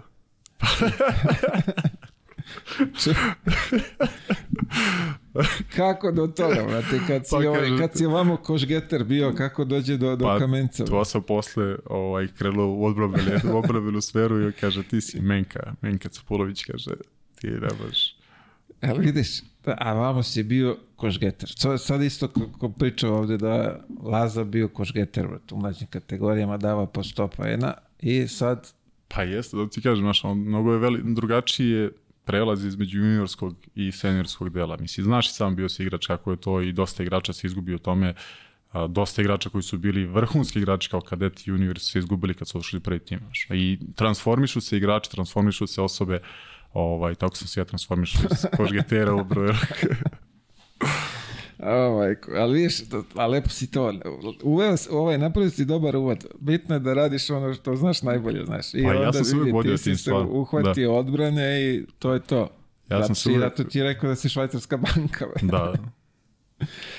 Evo, ovaj, kod njega, ovamo u repstaciji, mi smo ono, ono jedno leto kad je bilo za, za Evropsku u Španiji, to je, on, ne znam kako je kod vas, ali njegovi treneri su plač majke Boži. Ne, ne znam kako ste vi, kako ste vi trenirali u klubu. Pa... Mi smo čak igrali ono sedeći neku košarku, smo, smo se da. valjali da. po terenu. Ima, imao je tu, imao je vežbu tu da ovaj da se sedne na, da se, da se sedeći igra, igra 5 na 5 ili 8 na 8 kako smo igrali. Ovaj, tako da imao je nekih tih zanimljivih ovaj, čudnih malo ovaj, vežbi, ali dobro, svaki trener nešto nosi svoje. Čekaj, šta si sad ovaj uzeo od njega u svoju trenersku karijeru? Pa... Ima neki delić slagalice. Pa šišanje, brijanje, što se kaže da to isto bilo posle toga kada je to ono pričao i posle meni kaže, znaš kako, mislim, kako da sačuvaš loptu, kaže meni. I ja kažem kako, pa dođeš tu, kaže, on ti priđe blizu, šišanje, brijanje, kaže, si čuo za taj metod? Ja sad ono kao klinac, Rekao, ne znam, trenutno, re, recite. Ne znaš ni, da. da. ne znaš ni šta da kažeš, a kažeš, da. jesam onda, šta je, ako šta je šišanje, da... da, šišanje, brijanje, pa kaže, lepo, prozoveš akciju, dva, hopa, odmah ispred njega, kaže, ispred očiju mu staviš ovde, ošišaš ga, obriješ ga, ne može ti priđe, kaže, dva, jedan, pet, pesnica, sve. Znači, ono, jel, faktički ti ono kad driblaš loptu, ne može ti priđe, staviš dva ovde ispred sebe, rukom i ne može onda da, ovaj, ni da priđe lopti, tako da, ovaj, imao je te neke šišanje, brijanje i ovaj, što se kaže, zanimljive ova izjave. To je još iz njegovog doba. Kad je on dominirao da. terenima. Da. Šišanje i brijanje, sunce ti. Ovaj, kako se zove, ti tu ideš posle neke pozajmice, vraćaš se... Da, tad sam, da, otišao sam bio na pozajmicu u Avaladu, uh, oni su bili B liga i tu sam bio na 7-8 kola u suštini i onda sam se vratio opet. Te godine Luka Pavićić došao za trenera i on, on me poslao tu na pozemicu Avaladu. Ovaj, Avalada je tad bila stvarno, imali su dobre ekipu, bio je Čabrilo, bio je Slađan Stojković, eh, Nikola Peković isto bio sa mnom na pozemici iz, iz Avalade. Ovaj, I onda, smo, onda smo se mi bili vratili, stvari Nikola i ja, ovaj, u, on je u suštini bio, igrao utakmice samo za Avaladu i za Atlas u isto vreme, uh -huh, uh -huh. a ja sam bio na pozemici taj neki prvi 6-7 kola, ne znam, nija, i onda sam se vratio posle toga u, u Atlas i tu završio sezonu, gde, gde ovaj, Tako da to je... To je bila ona posle Superliga, kako isto je bilo neko spajanje tada. A, jeste, da, bilo je. Bilo je Sećam, posle. mi smo igrali s vama bre u, dole u Vizuri. Vizuri, u Vizuri, tako. da, kad je Beše Savan dao nešto Stvari, To je bila utakmica neverovatno, da, znači Savan je tad bilo, znači, sve. ja ne znam sad tačno koliko je dao poena, ali znam da je bilo... Nešto je dao da, mnogo. Ma, da, bilo je 40, 50, ne znam. Kao da je NBA igrač došao i ne, nije mogu niko da ga zaustavi, to je bilo neverovatno. Šta Ali god je šutno, on je dao. Čačka, ja mislim da mu je to taki prva utakmica u, u toj... A bio je, kažem, taj Holland, Haaland, koga beše? Delonte Holland. Ja. taj ona je bila zver. Šta je onaj dečko radio? Nabacio sam sebi. Sprdo se s nama na, na, na, Da. kroz, kroz ovu... Ne znam čak da li je ta utakmica bila ili je bila je neka, možda čak da je ta utakmica bila, on je nešto bio se naljutio, ne znam nija šta je bilo i valjda nije teo da igra prvo polovreme. Sad slagaću te, ne mogu da se setim tačno, konkretno, ali znam da nije teo da igra prvo polovreme. I onda je Luka bio pričao s njim na polovremenu, ono, šta je problem ovo ono, nasamo i on je majstor izašao na polu, s polovremena. Ja mislim da je dao preko 20 pojena za polovreme. Da smo svi oni, znači ne možeš da veruješ. Naljutio se. Da. Verovatno je nije legla plata, pa mu doneli Nije to da polovremeno. bilo, bilo su, bio, plaćali su bili normalno i ne znam šta je nešto, da li je bilo, ni, ni, znaš, ono, bio sam opet klinac, znaš, ne znaš ti, ovaj, kad si klinac gleda svoja posla, ćutiš, radiš, igraš sad. Samo igri sine Da, odbranu i dobro, ništa, ne brini, sve će bude kako tako treba. je, tako je. Ovo su, ti kako je to, kakva je to filozofija. A, posle toga ti pališ za, pališ preko, što bi rekli ovi naši. Pa ja sam posle toga, znači, posle Atlasa sam otišao u Megu, tada je već bila Mega ishrana, ovaj, To je, iz Mege si zapalio. Jeste, ja sam iz. Mege otišao, da. I ovaj, to je već tad su počeli otprilike da, ovaj, da se formiraju, to da, da se baziraju nekim mlađim igračima, da, da probaju da, da, da te mlađe igrače daju im šansu i tako dalje. Bili su i stariji, naravno, bio je Vičentić tad tu, bio je Zeka, Zeka je bio tad tu isto, ovaj, kao playmaker. Uh, I od, od, posle te sezone sam otišao u, u Ko Nemačku. je trener bio tada u, toj... Pa bio je počeo Oliver Popović bio i onda je posle toga zamenio Uvalin ovaj, u nekom Da, delu. da, Uvalin okej, je došao okej. isto posle toga. Čekaj, to je onda tu bi trebalo da bude i Kešelj, jel tako? U toj Kešelj, ekipi? da, jeste, jeste. Svi ovi posle Da, što je- su... Jeste, igrao sam. Kešelj i Dragović, sad isto u Avaladi je bio isto ono, pre toga Dragović i ovaj, Kešelj. Ovaj, Je Miško igrao još u to vreme? ni. Nije? Pa on je nešto isto bio u toj Avalada, tako i on je tu Pa i igrao. to je bilo se- pre, da, to je bilo pre, da. A, Ne znam ovaj, kad je stao sa, sa profesionalnom karijerom. Da, ali ovaj, to tad mega ishrana tada, bio je Kešelj, ovaj, bio je Katnić ona isto tada tu. Ovaj, bilo je onako, bilo je onako feeling zanimljiv. Ovaj, Raković Milovan je bio te godine isto ovaj, tu. Tako Da, bilo je Milivoj Božević, Jasno, da, da, da. Cela ta generacija, Jeste. to je 85. 85. da. 600. Ok, posle toga, znači, Nemačka, kako si ti odlučio gore da odeš? Pa mm, Predrag Krunić, on je vodio, on je vodio Oldenburg, Predrag Krunić i on je ovaj on je meni bio prvi trener moj u, u Zemunu. Znači on je kad sam krenuo da treniram košarku, on mi je bio trener. Vam u Drvo marketu. Tako je, baš kao kad sam počinio prvi, prvi trening, mi, on, on mi je bio trener. I on mi je bio trener te, kažemo, 4-5 godina prvi kad sam bio klinac. I ostali smo bili u kontaktu uvek. On je otišao posle toga za Nemačku.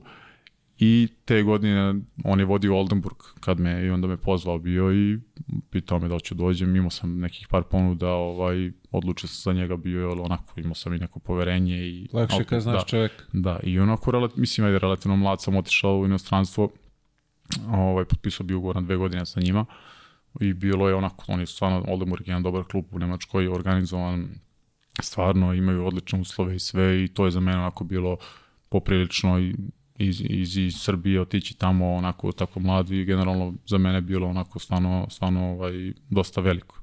Kako se snašao u toj tranziciji? Si išao sam si išao Pa imao sam familija, uh, roditelji? kako? uh, Miladin Peković isto, ako se sećaš, ovaj šuter isto, on je isto otišao sa mnom tamo i bili smo nas dvojica, bio je Majstorović isto što je igrao u, u, u ovaj, u FNP-u. Mića. Jeste, da, on je bio tamo isto te godine došao, znači bili smo faktički nas trojica i bili smo, imali smo dva Hrvata, ovaj, Jaspin Perković i Branimir Longin.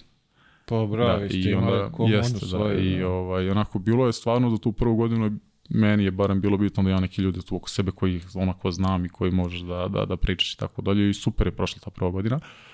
Ovaj, posle te godine sam, uh, pošto imam ugovor na dve godine, međutim onako hteo sam više da igram. Kad si mlad, onako hoćeš više da igraš. Niko ti nije objasnio da... Pa objašnjavao mi je Krunić tada ovaj, da, da, da polako, da, da, da ovaj, ima vremena da ću igrati i tako dalje. Međutim, onako kad si mlad, pa hoćeš odmah sve, naravno, od jedan put i tako dalje.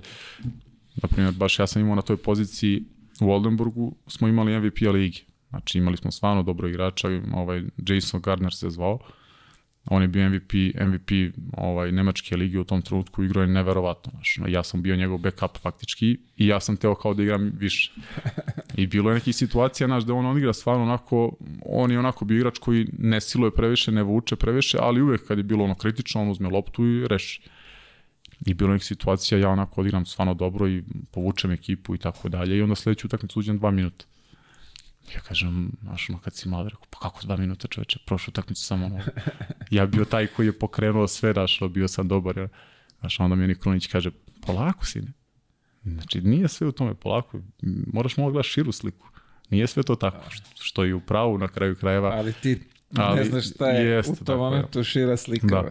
I onda sam onako na neko moje insistiranje sam teo da, da, da promenim klub i da, jer sam shvatio da imaš tu MVP-a na svojoj poziciji da nećeš moći previše da dobiješ neku šansu veliku. I onda sam otišao u Tibingen, a, tad je bio ovaj, uh, Igor Perović, tamo bio pomoći trener, isto naš čovek. On je ovaj, u neku njegovu komunikaciju sam došao tamo i to mi je možda bio pravi potez. Znači, tamo sam onako dobio dosta slobode, dosta, dosta samopouzdanja su mi dali, osjećao sam onako neko njihovo poverenje i tu sam ovaj, zadržao se tri godine bio u klubu i ovaj, kažem, ajde nekako stasao kao igrač i, i uradio neke stvari da onako kažeš da, da, sam, da sam igrao, imao neke minute i neko iskustvo stekao. Kako je taj tvoj dolazak izgledao gore kad se susretneš s tom organizacijom njihovom kluba, lige, života, svega? Pa u početku vrlo čudno, znaš, ono je, pre svega to okolo je kad dođeš iz Beograda, znaš, ono, pri tome ne ideš ti u Berlin, si nego, mlad, da, da, da, i dođeš u neku manju sredinu, prije taj Oldenburg je baš onako isto mala sredina, ne znam, 70.000 stanovnika mislim da ima, a, svi su onako ukalupljeni, svi znaju šta rade, kako rade i tako dalje i onda mi dođemo, sećam se, bili smo, no, Mića Peković, ja pošto smo se baš dobro, onako dosta družili, provali zajedno i dobiješ ono auto od kluba, sve 30 ograničenje, oni svi ovde 30, niko da prekoračaš. Mi ono, jak ono, prođeš 40, 50, znaš, ono, prođeš onako neko se i zamisliš, zaboraviš, odmah ti se ono, pokazuju ti smanji brzinu, znaš, ono, spusti, spusti gas i tako dalje. Ovaj, I onda su nam baš bili to, oduzeli su nam bili vozačku dozvolu, Zato što, pa nisu nam oduzeli, nego ima tamo neko pravilo pravilo faktički da mora da se ovaj, šest meseci možeš da voziš na našu internacionalnu dozvolu i posle toga moraš da polažiš za njihovu dozvolu. Aha, da. aha, okay. I onda su nam posle šest meseci kao oduzeli automobile, kao morate položiti, kad položite dobit ćete ponovo. I dali nam bicikle. I to je bilo, to je bilo show totalni i našlo i razvojica tu onako nećemo prihvatimo naš kako sad imamo dozvole znamo da vozimo i sad vi nam oduzmete i dajete nam bicikla, ono zima krenulo. Kao idete kao na treninge bajs. I, i ovaj, I onda stvari... to je morala na konverzija vozački, jesi stvarno mora da ideš na, na vozački? Sam, stvarno sam polagao vozački, da, stvarno sam polagao. Bila je baš situacija tu i mi ono, ajde kad ono, završi se trening, neki utakmica, ovo imaš slobodno dan, dva i šta ćemo radimo, nema, a ne možemo nigde da odemo, bajseve samo imamo. I uzemo od ovog kapitena jednog kola jedan put i odemo, mi bio blizu tamo, ne znam, Amsterdam i ovo, išli tamo malo, ovaj, i odemo i vratimo se i sve super, vratimo se mi normalno. Posle 5 dana zovu klub i kažu oni kao, pa kao stigla kazna, kao ovaj, za prekoračenje brzine. Poruku nemam pojma, nisam ja kako nisi ti kaže, evo slika, a ono, stvarno slika došla, ovo i tad je bilo ono kao kako ovaj vam auto, jeste, znaš, kako možete to uraditi i tako dalje, ali ono, kad si mlad, pa valjda ne razmišljaš o tim nekim posledicama, hvala Bogu, ništa se nije desilo, naravno, ovaj, sve ispalo super, ali, ali eto. A to je kad si, u, što bi se reklo, u kalupljenoj zemlji gde ima neki ovaj, mm. red i neka disciplina, yes. zakoni. Osim to što ti rekao, isto polagu voz, vozački, ovaj, to je onako, dobio sam prilike knjigu, a da te nalažem, poprilično veliku. Da ne kažemo debelo. Da, i onako, ovaj, baš mora se uči. Čim ja koji sam imao položeno i koji sam relativno skoro bio položio tada. Pri tome na nemačkom sve? Ne, ne, da li smo bili na hrvatskom, sam tada imao testove. Ovaj, bilo je, mogu da biram, ne znam, nemački, engleski, hrvatski, tako dalje. I ovaj, ja, ja sam dobio sad bio tu knjigu, naš. I nisam im otvorio. Ne, rekao, šta ću da, mislim, neću uopšte da gledam, jer znam, znaš, došlo si, kako, ne znaš, znaš, znaš pravila, znaš znakove, sve znaš. I odem ja na ovaj, da, da polažem vožnju, to je da polažem testove prvo. I ja došao tamo, gledam šta je ovo, koja su pitanja, ne razumem ništa.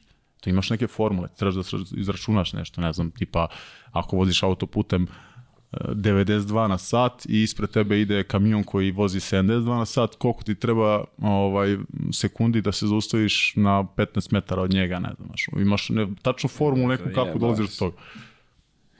Ja stao ljudi, rekao, mislim, znaš, ja pola onoga nisam znao popunim. I završili mi sad ovaj čas taj, kaže meni ovaj škole, ta, ta žena što je, što je, šta je držala sve to ovaj školu, kaže, samo da vas obavestim, ovaj, oborili ste negativan uh, rekord škole po broju lo, loših, loših rezultata. I ja u šoku. ja stao, pa rekao, ja stvarno, da, ja sam, sa ovim stvarno nisam susreo, mislim, ovo kod nas ne postoji. Kaže, ona meni, pošto oni naravno tamo se to ono i plaća se onako poprilično i svi uče da bi ovaj, što pre, što to brže savladali. Kaže da meni sa sledeći put nauči, ako sledeći put padneš, kaže, bit će ti zabrana dve godine da, da polačeš. I ja stvarno, posle toga, ja sam seo, ja sam, to sam stvarno učio, to, ono, znači ne možeš da veruješ. I onda sam izašao, došao, ja sam se preznojio tamo dok sam ja to radio i na kraju sam položio i ovaj, onda sam i vožnju isto posle položio, ajde vožnja je bila ovaj, što se kaže, lakša, iako si vozi onako jedno sat vremena se vozi, ali, ali ovaj, uspio sam to. Čekaj, reci kakvi smo mi ovi, ajde, Balkanci, koji to mentalitet? Ne, ja ne mora to znam. Ne, pa tako je. Šta imam ja to da učim, ja to znam. Šta I onda dođe, to, dođe formula koliko treba vremena da zakučim da ne udarim u šleperu. Kaže, oborio si negativan rekord škole. E, vidi, zato ti, ako ti je za utehu, ja sam oborio ovaj, u stvari najgori re, rezultat u istoriji Phoenix Sansa imam za neku vežbu tamo. Jel? Tako da nije, ovaj, viš da ima Uvek postoji. I, ima i gori, a? A, pa, to je, sad ne znam kako se to zove, ali uglavnom to je onaj Trčanje, kao... 10 za minut. Ne, ne, ne, ne, nije, to, to bi tek bio najgori. Nego je ovaj kao brz, rad nogu, znaš. I mm. sad imaš onaj veliki boks u kome imaš devet malih, onih kockica, znaš. I ti krećeš na jednoj nozi i iz sredine i moraš u svaku onda, da, znaš, ono, da, da zgaziš i da se vratiš. I bilo je tu leva, desna i ja naravno bučno su mi posle preneli u istoriji Phoenix Sunsa najgori rezultat ja držim. Ja. da, to je trebao da im pošaljem mail za zahtev da vidim da, da, li, je, da li je neko, ovaj, da li dalje držim da li? začelje. Tako da viš ima, ovaj, nije, nisi, ali zanimljivo je. Jeste. Mislim... Ja sam išao tamo u Katar kad sam bio, isto su mi dali to da, da mora da polažem vamo tamo, ali nije baš toliko zahtevno bilo. Teško. Da, pošto tamo ono Bangladeš i ekipa i ja, znaš, oni dolaze svi tamo za, za, za kamione i da. ja među njima isto. Oni svi po 140 i ja kao sedimo isto, treba sad tu da vozimo nešto polažem. Da. Tako da, ali okej, okay, to, mislim, treba da se ono, prilagodiš pa moraš zemlju, zemlju koju je, to sam ukvalno teo kažem. Ja kažem, meni je prva godina ta bila stvarno prilagođavanje. Posle toga je bilo, to mi je postalo neko normalno. Onda kad sam dolazio ovde, ovaj, no, dva, tri mjeseca kad imamo slobodno preko leta, ovde mi je bilo nekako onako... Uh, Ti voziš po ograničenju? Da, ja ono duše. Ovi mi sviraju. A može, da, može malo. Da. Ovaj, I isto tamo, primjer, ono, smeće se baca, sve se on odlaže. Ja došao, tamo isto došao, vidim, imam pet kanti u, u kuhinji, znaš. Žuta, plava, zelena, crna. A niste napisali koja boja za šta? Ja kažem ovom iz kluba, rekao, pa šta će pet kanti ih ovdje, dovoljno mi jedna. Ne, ne, to moraš, dobijam ja tamo listu isto kako da bacam, sad opet ja kažem, ono, seo poslije sam sa sobom, rekao, pa da li moguće su raz, razdvajam smeće ovoliko. I ja sve to, man rekao, neću ni primetiti, ja sve lepo u jednu kesu, ovo ono, i kad dođe ja izbacim dole jednu kesu, crna kesa, ja crnu kesu izbacim I tako prošlo jedno dve, tri nedelje ovaj, prve i opet mene zovu iz kluba, kažu ovaj, e, ajde dođi, kaže, ovaj, stiglo ti nešto u klub, ja dolazim, kaže, stiglo opomena od komune te, tu suštini tu ovaj, okruga tog da, ovaj, da ne bacam više smeće u kantu, nego da, sve zajedno, nego da razvrstavam. Znaš. Kažem u klubu, pa nisam ja bacao, otkud njima da sam ja to bacio. Znaš, ko nema, nisam ja to bacio, rekao, slobodno ti njima ovo vrati, rekao, sve okej. Okay. I ja nastavio tako po starom, stiže opet pismo posle tri nedlje, Kaže, ako se ovako nastavi, ako sledeći put pronađemo isto kao ovaj, uh, morat ćemo da ga is iselimo kao iz stana i iz ovog dela, kao naš, kao ne može ovde da živi. Ja kažem u klubu, pa kako vi ljudi znaju? kaže, pa znaju, kaže, imaju one, znaš, oni, oni valjda imaju uh, inspektore neke koji to sve pregledaju. Znaš, i oni uđu, tam nađu, ne znam, od kluba nešto, neko moje ime tamo napisano i tako dalje, neki papirić, ne znam, šta god sam primio i po tome oni, oni vide da sam ja. A, brate. Tako da, ovaj, onako dosta, ali posle sam naravno isto razvrstavao i smeće i sve i ovaj, i bude na kraju čoveku stvarno i, i, i drago kad tako nešto i nauči i uradi i postane deo nekog sistema koji je takav kakav jeste i ovaj, sigurno je dobar čim, ovaj, čim, su, čim su takvi kakvi jesu. Aj, razvrstavaš smeće ovde? Pa ovde ne. Ovde ovde žela da golimila smeće, ja ga bacim samo kad krenu. Ja sam samo već to nosi. Kao. Da. ja sam fizikala za iznosim smeće iz kuće. Da. Kad ćeš smeće baciš? E, ajde ponesi smeće. Znači, da. kad god uhvati se za vrata kesa, da. i onda vratiš se. Ajde. Ali vidi, stvarno, mislim, trebalo bi kod nas, nažalost, stvari kod mene imaju ti kontejneri, ovaj, ali vidim da niko, pa čak ni ja, ne prilazimo tim kontejnerima, yes, tako da stvarno je čak ima i ono sofu, znaš, izbace celo pored kontejnera. Yes, tako. Mm. Ono, ako su rušili zid i to sve, naslažu pa kao ko, ko odnese, možda neko pokupi, možda, yes. a možda sigurno neće. Uh, nemačka košarka, za mene je to onako neka, ja to mogu kažem, polu neka divlja liga gde su dominiraju Amerikanci, što bi se rekla, neka brza košarka bez ono, ko muve bez glave. Pa ima dosta u suštini Amerikanaca i dosta su tako, ovaj, ja kad sam bio, sigurno su mislim imali jedno 5-6 Amerikanaca uvijek u timu naš. I dosta onako gledaju da dovedu Amerikance i vole to. Publika to voli onako dosta atraktivno. Sad mi, izvinim što te prekidam, da li je to zbog što su jeftiniji Ili sigurno. što su atletski sposobni? Pa ima jedno i drugo, ja bih rekao kombinacija. Sigurno atletski su onako sposobni i dosta je veća atrakcija, naravno. Ovaj, Njima ali, treba za ali, show tamo da, da to... I, i, pre je bila ta situacija, mislim, više nego što je sada, da, do, da dovedu neke faktički, uslovno rečeno, jeftinije igrače, ovaj, nego što su neki sa naših prostora, ali sada ovaj, mislim da je Liga dosta napredovala tamo Nemačka i da je baš onako poprilično se digla u odnosu na neki period kakav je, kakav je bio pre, a, da ima dosta kvalitetnih ekipa i opet oni su neki koji ulažu oni dosta u sport našima i diže se iz godine u godinu. Tako da sigurno, sigurno ima dobrih igrača tamo ovaj, koji posle nađu klubove po nekim većim klubovima i tako dalje ali evo, mislim, sama činjenica i taj Bayern München, a kažem pre i Bamberg i Alba i, i tu je radilo mnogo dobrih trenera, mnogo dobrih igrača je prošlo kroz sve to, razumeš, tako da ne bi oni išli tamo da je da je loša liga i da je da nije nešto kako treba. Pa uh, uh, šta znam, nekako ajde kažemo razvojna za za dalje.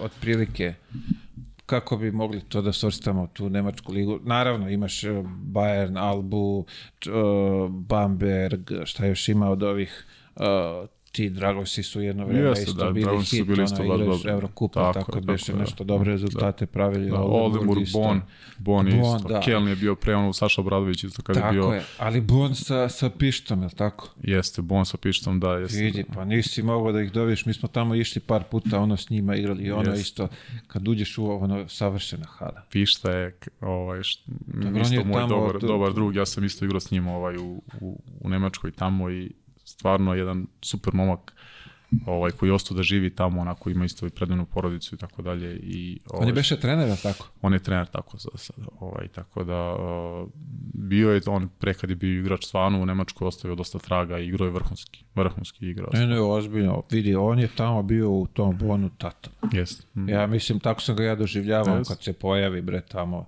I to je godina, ne znam koliko je dugo on proveo vremena Pa dugo tamo. je bio Bono, bio je, i Kelno je bio isto kod Saleta Obrada tamo, pa su posle zajedno otišli u, u Albu, ja mislim isto tako je. Ovaj, prešli su u Albu, bio, bio on tamo, onda je bio i samo godinu dana vam u, u Tibingenu, pa je onda bio i u Bayern Minhenu posle toga. Ovaj, tako da imao je baš dobru karijeru. Lepo je, vidi. Ono, ja čega se sećam, to je ovaj, u Bonu kad su igrali, kad je on u stvari igrao, kad dođeš tamo. Prvo što je ona halica bre lepo upakovana. Jeste, dobro. Onako, ono, znaš, milina ti da izađeš u nju. I posle, posle tekme obavezno ideš tamo na pivo i kobasice i u onaj prostor za kao, onaj, kako se to već zove, kako se zove To to? mi je to? VIP room kao. VIP to mi je room. bilo fascinantno, da. VIP room je, svaki, svaki tim ima svoj neki VIP, VIP room posle, no, ovaj, to je, to je faktički neka prostorija veća, gde svi ti sponzori manji i veći, ovaj, kad gledaju utakmicu, posle toga je tu, tu VIP sobu da faktički tu su onako klopa, druženje, neko piće i tako dalje. I tu posle toga dolaze igrači, ono, iz slačionice, iz široj. Vi, vi kao domaća ekipa ste u, u obavezi da se pojavite U obavezi, tu, da, u obavezi dođeš tu da popričaš malo, pojedeš nešto, eto, sa sponzorima malo, ako te neko nešto pita. I to mi je bilo fascinantno, opet kad sam došao prvi put, da ti dođeš neki iz utakmice, da si, primjer, izgubio ili bio loš i tako dalje, ti uđeš tamo u tu sobu, to praktično, to su sve sponzori koji daju pare za, za klub, uh, ti dobijaš aplauz svaki put. I niko se ne ljuti. Niko, znači svi su nasmejani i svima je super i onako jednostavno Uh, za mene je opet to bio neki šok i e, naš, nisam, nisam uspeo da, da, da to pojmim na početku, posle mi naravno postalo i lepo i normalno, ovaj, ali e, sigurno ono prvi kontakt je bio pa jel stvarno ovi nam aplodiraju, znaš, ono, izgubili smo malo pre. Tako da ovaj, e, ima ta, ta soba gde ovaj, da dolaze sponzori. Čak su i vi, kažete, mi smo bili, uh, mislim da je baš Bond bio u pitanju. Izgubili smo. Mislim da smo izgubili. I, I isto sam bio ono kao, ej, sad ko je to insistirao, da li je domaća ekipa, šta već, pojavili smo Da. se tamo. Naravno i bili su i domaći igrači, sad što ti kažeš sponzori, šta je već. I ono tamo kao, znaš, imaš, popiješ sok, pivo, šta hoćeš, ono, možeš pojedeš. I mi kao, čekaj bre, kako, kako, kako ovo funkcioniše? A ti ono izgubio, nije ti do života, znaš, ono, vamo te trener izvređao, ono, ko zna šta je bilo i ulaziš tamo, ko popišane, ono, svi ljudi normalni, kao, Aplauz. dobro, nismo dobili aplauz, nismo bili gosti, ali je ono, totalno je cool stvar. Koliko smo mi daleko od toga ovdje da, da se... Evo ti sad, na primjer, dobro tamo u, u, u Valjevu nemate, nema gde bi se napravila ta soba, ali... Pa dobro. Ne, ali ne, vidim, ne sumnjam da i oca već ima to u planu negde da, da. Da. napravi. Ovaj, ba da, mi smo stvarno drugačiji mentalitet od njih i ovaj, ne verujem da će ikad tako nešto da, da zaživi kod nas na taj način. Opet mi smo mm, imamo, imamo tu neku crtu, mi smo jed- jednostavno srčani smo svi jako i onaj koji gleda utakmicu i koji se nije bavio nekim sportom i razumemo se svi u sve naš. I nekako svi se, svi očekuju da da su najpametniji i najbolji, tako da ne verujem da će taj neki period dođe kod nas da živi na takav način kao što je, kao što je to tamo. Ovaj, opet, s druge strane, imamo neke svoje stvari koje radimo naš, mi imamo opet, nijedna ekipa ne može u Nemačkoj da ima ni blizu ni ovih navijača, kao što imaju Partizan i Zvezda naš, da, da, da imaju takve armije navijača, da, da, da toliko ljudi vole to, da se toliko to preživljavaju kroz sve to, znaš, no, ovaj, mislim da to nikad ne može bude kod njih tamo. Tako da svako... Znam, ja, ja razumem tebe, ali nije u, u ovoj zemlji sve partizan i zvezda. Ima još klubova, ima još ljudi koji žive, nije To samo da se delimo se. na partizane i četnike i partizan i zvezdu. Znači, Ne, ne, nešto ima, ima drugih stvari koje mogu da, da se funkcionišu normalno, da se prave, da, da, da nešto zdravo se uradi. Ja sam ubeđen, evo sad, primer, vi, ako, kad bi napravili to, i stvarno ako imaju sponzori koji su, evo, na primjer, dobar primjer je Zlatibor. Ja mislim, ako bi došli ti ljudi tamo, da bi oni stvarno otišli u tu prostoriju, tamo podružili se posle utakmice, da bi se ima njima prijelo da porazgovaraju s tim igračima, šta god, da popiju piće, nije to sad neko... Vidi, njima, je, i njima će verovatno biti draže, osjeća se, osjeća će se ovaj, nekako važnim, daju lovu tu, Pa jeste, i ima sigurno, smisla, logike, ima, do- ima smisla. da. Slažem se s tobom, naš. I ovde i Partizan i Zvezda to isto mogu da naprave. Ima prostora, naravno, ali ne da dođu sad ovi sa, sa šipke, nego dođu ljudi koji daju lovu za to. I evo, sedite tu, porazgovarajte, popričajte, ako hoćete, popite kafu, pivo, šta već i palite kući. Jeste, mislim, slažem se s tom, stvarno, ja mislim da bi i to aj kad bi živelo na tom nekom nivou, da bi to isto opet bilo ovaj, i, i ti ljudi bi se sponzori i ti koji bi dolazili osjećali bi se opet i kažem opet i bitnim i naš drugačije kad ti pričaš sa igračem nekim uživo i a ne samo kad ga gledaš tako da. To je to, to je to. Da. Mislim daleko smo mi što se te tog kako to gledati marketinga, šta da. kako to spada, ali ovaj samo je bitna ta svest da se malo promeni da može i na drugačiji način da se radi. Jeste, slažem se. Da popričaš, lupam sad, ne znam ni ja. Dođe ti evo, Kampaco ili Panter iz, i ti kao nešto pričaš s njim. Mislim, naravno, ne može svako, možeš budeš tu da daš neku kintu za taj klub, ali imat ćeš verovatno tu neku koju već kartu, šta već da možeš posle utakmice da odeš tamo i da je on u obavezi da dođe tamo yes. da, da te pozdravi, da se rukuje s tobom šta god. A ne da zagravi na sastanku tri sata posle. Gde su gresi, grešili i šta je ovaj... Zanimljiv predlog svakog. Pa vidi, evo, mi smo tu da ispričamo što je rekao Kari Pešći, ja pričam, ali ne znam da li me, da li me čuju. ovaj, šta ti je onako ostalo iz te Nemačke neki nešto što, što ti se onako, što je drugačije, što ti se svidelo? Pa eto, to mislim, van terena, to su to otprilike te stvari, na terenu otprilike manje više sve isto. Ovaj, budiš, ideš, treniraš i tako dalje, ali van terena sam taj život i prilagođavanje na sve to je bilo, bilo ovaj, malo drugačije i te neke stvari eto, koje sam ispričao do sada. Naš. Ali ono standardno pumpe u osam zatvorene, nema šta da se jede? Jeste, da. Znači, ne, to je isto... Svi imamo taj problem kada odemo preko. Neverovatno, da. Onako, ako, ako na vreme ne, ne uzmeš klopu i nešto se ne snađeš, nedelja, nedelja nema, niko ne radi nedeljom, nema. Da, da, da, da, da. Ove, to ovaj, se zaboravio, da. To, to isto po neku pumpu samo možda nađeš da je, da je otvorena i to je to. U tržni centar veće. samo. Po ne nedeljom ni tržni centar ne radi ništa. Opa. U Nemačkoj ne, nema ništa, nije rada. Kako carevi? No, tako da nedeljom si bilo najbolje kad igraš nedeljom utakmicu. Ovaj, kako se zove, mi smo u, u Litvani iskusili to. Do, dođeš bukvalno u 7-8, pa sve je zatvoreno. Ako nisi nabavio za posle šta ti treba, ćao. Čekaj sutra i to ono i, i, i jedan drugstore radi, znaš, kao neki i to je to, baš je. Jest, to je, to je tačno. Ali dobro, vidiš, na, naučio se selektuješ smeće da voziš po njihovim pravilima. Tako je. Naučio si bicikl zimi kako se vozi. Čekaj ti Mića Pekuća. Da. Oh, ali, ali to je to, vidiš, to su neke, ovaj, neke male stvarčice koje ostanu u sećanju odatle. Yes. Tri godine tamo, četiri?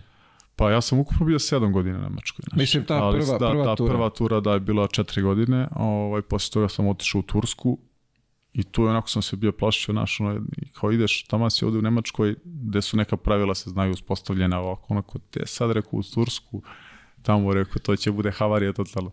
Međutim, kad sam došao u Tursku, ja sam stvarno bio oduševljen. To je bilo onako jedno baš lepo iskustvo. A, a čekaj, otkud izbor da za Tursku? Pa eto, to je onako bilo nešto najprimamljivije. Turska liga je u tom trenutku isto bila onako dosta, dosta jaka. Uh, tad, čak si bio onaj lockout pa su dolazili neki NBA igrači i tako mhm. dalje. Bilo je baš onako ovaj, dobro. Uh, I onako, i finansijski i sve ostalo je bilo ovaj, dosta, dosta bolje u odnosu na te neke ostale ponude koje su bile. Uh, i taj klub, ali Jaga Petki, na primjer, ona nikad nije, pre toga su uvijek su bili tu negdje ili pred dnu ili su bili druga liga, nikad nisu imali neki pretrenan rezultat. To je Izmir? Izmir, blizu Izmira je to, ali Jaga, baš se zove grad. Ovaj, Petki mi je bio sponsor. I onda te godine smo napravili najbolji rezultat u istoriji kluba. Ono, bili ušli u play-off, ovaj, e, ispali smo bili tada od Defesa, ali smo imali stvarno ovaj, jednu dobru godinu. Tada je bio i onaj Ryan Tulson sa mnom isto što je posle igrao ovaj, šuter, belac, amerikanac.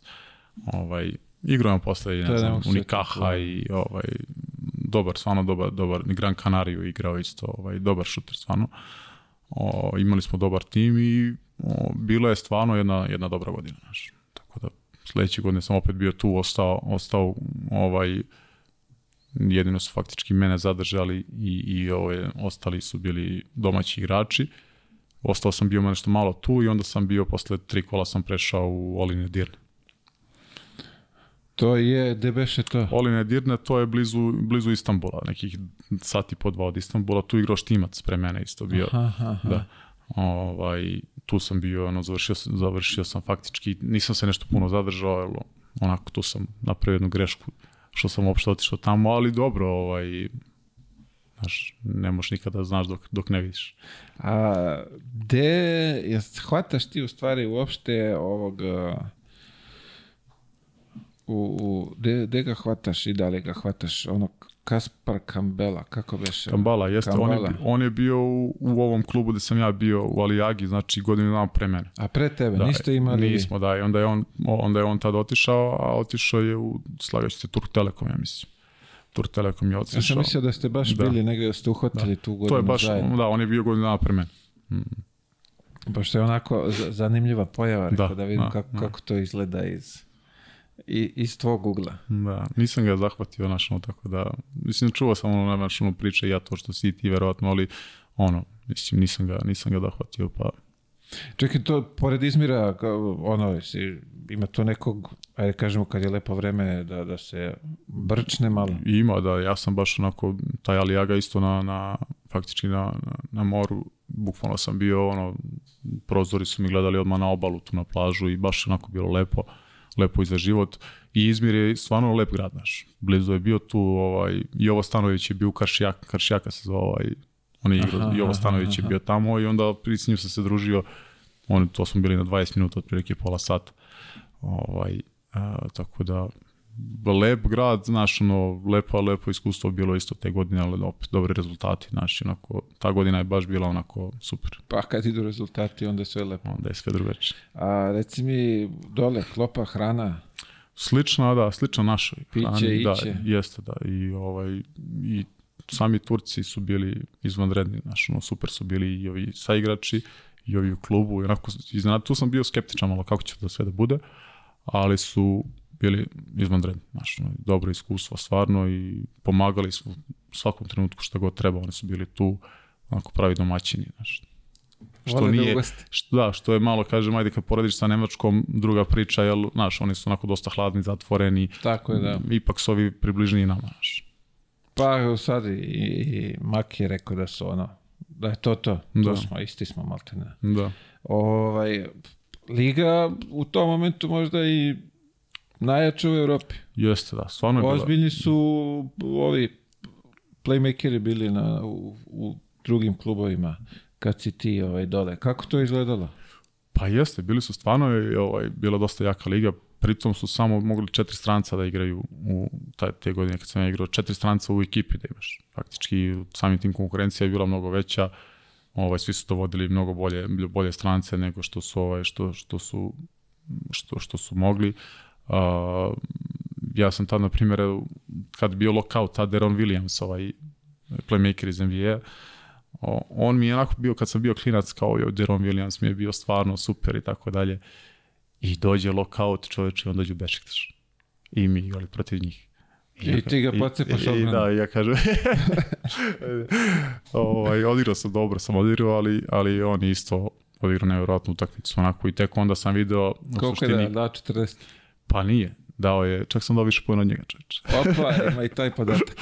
Ovaj, mislim da sam dao poen više, nisam daš, ono, poen više sam dao, ali tipa ja sam igrao 30 minuta, a on je igrao 15. ovaj, ali... Nije to shvatio ozbiljno. Ma kaki, ne, znaš, ja, jedna situacija, sećam se to dobro bila, neki roll, on igra i sad ja u odbrani i mi ono, udvajamo ga na piku, kao da probamo da ga što više oteramo od lopte. Či ja sad vidim, rekao, ovaj ne može da prođe, nema gde da prođe. A on kroz noge neku fintu izbaci mene i centra, ode, ostadoš mu ovaj ja pozadi, gledamo se gde je prošao, znaš, ono. Tako da, ovaj, to je bilo zanimljivo stvar. Pa vidi, uh, bilo je tad još dobrih igrača na, na, na poziciji playmakera u, u, u tom momentu. Jeste, bilo je Nije, dosta. mislim, nije, on je verovatno tebi bio najzvučniji, onako najbolji, ali šta je imao, šta je imao Efes tad? Gde je bio, kako beše, beše bre, Iverson je bio tad je dole, tako? Ili je godinu posle? A Iverson je došao isto nešto kratko, da, ali nisam ga zahvatio ja, da. Nisi igrao Ovaj, posle njega? a, po, pa nisam siguran sad ja gde, sam bio kad je on bio tu. A, nisam siguran da li sam bio tad posle toga u Olinu ili, ili je to bilo pre toga, nisam siguran.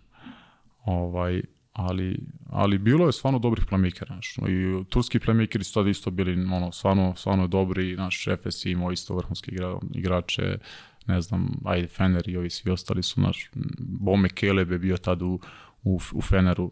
Ovaj, a, bilo je, bilo je stvarno dobri sad, znaš, ne mogu ni ja se setim ovako iz glave odmah, ali... Ali ima neki da te izuo, verovatno, da, da, da si ga zapamtiš. Pa on mi je, kažem, Deron Williams mi je stvarno ostavio neki utisak ono nevjerojatnog igrača. Ovaj, o, pa sad slagat ću te, znaš, ono, nisam nešto sad, ostalo mi nešto upečatljivo. Bilo ih je dosta, znaš, ono, bilo ih je dosta, ali mi smo igrali stvarno opet dobro i onako, znaš, gledali smo gledali smo što se kaže nas, kao nadali smo se da možemo nešto bolje da uradimo. Mislim, na kraju smo bili, bili dobri, ali Vidi, za, za, za taj klub, za taj, Jest. mm. kako ga nazvati, rating kluba, naprosto odličan rezultat. Mm. A, šta je dole, kako izgledaju te ti derbi, to kad igraš sa tim Bešiktašom ili s kim već, to je, mislim, Bešiktaš onako ima dobro armiju navijača. Imaju, da, da. Nama je, Oni- najveći, nama je derbi bio, kažem, ajde, ovaj kršijaka. Znaš, I tu je baš bilo onako... Uf, kod njih u onoj salici kad se nakrcaju, I to je baš bilo onako, pošto smo komšije kao, i ovaj, za nas je to bilo onako najopečetljiviji derbi, ovaj, gde su stvarno onako vatreni, mislim, nalik su nama stvarno. I, i bude dobra atmosfera i napred dobru atmosferu i neki pritisak i tako dalje i to je bilo stvarno, stvarno dobro.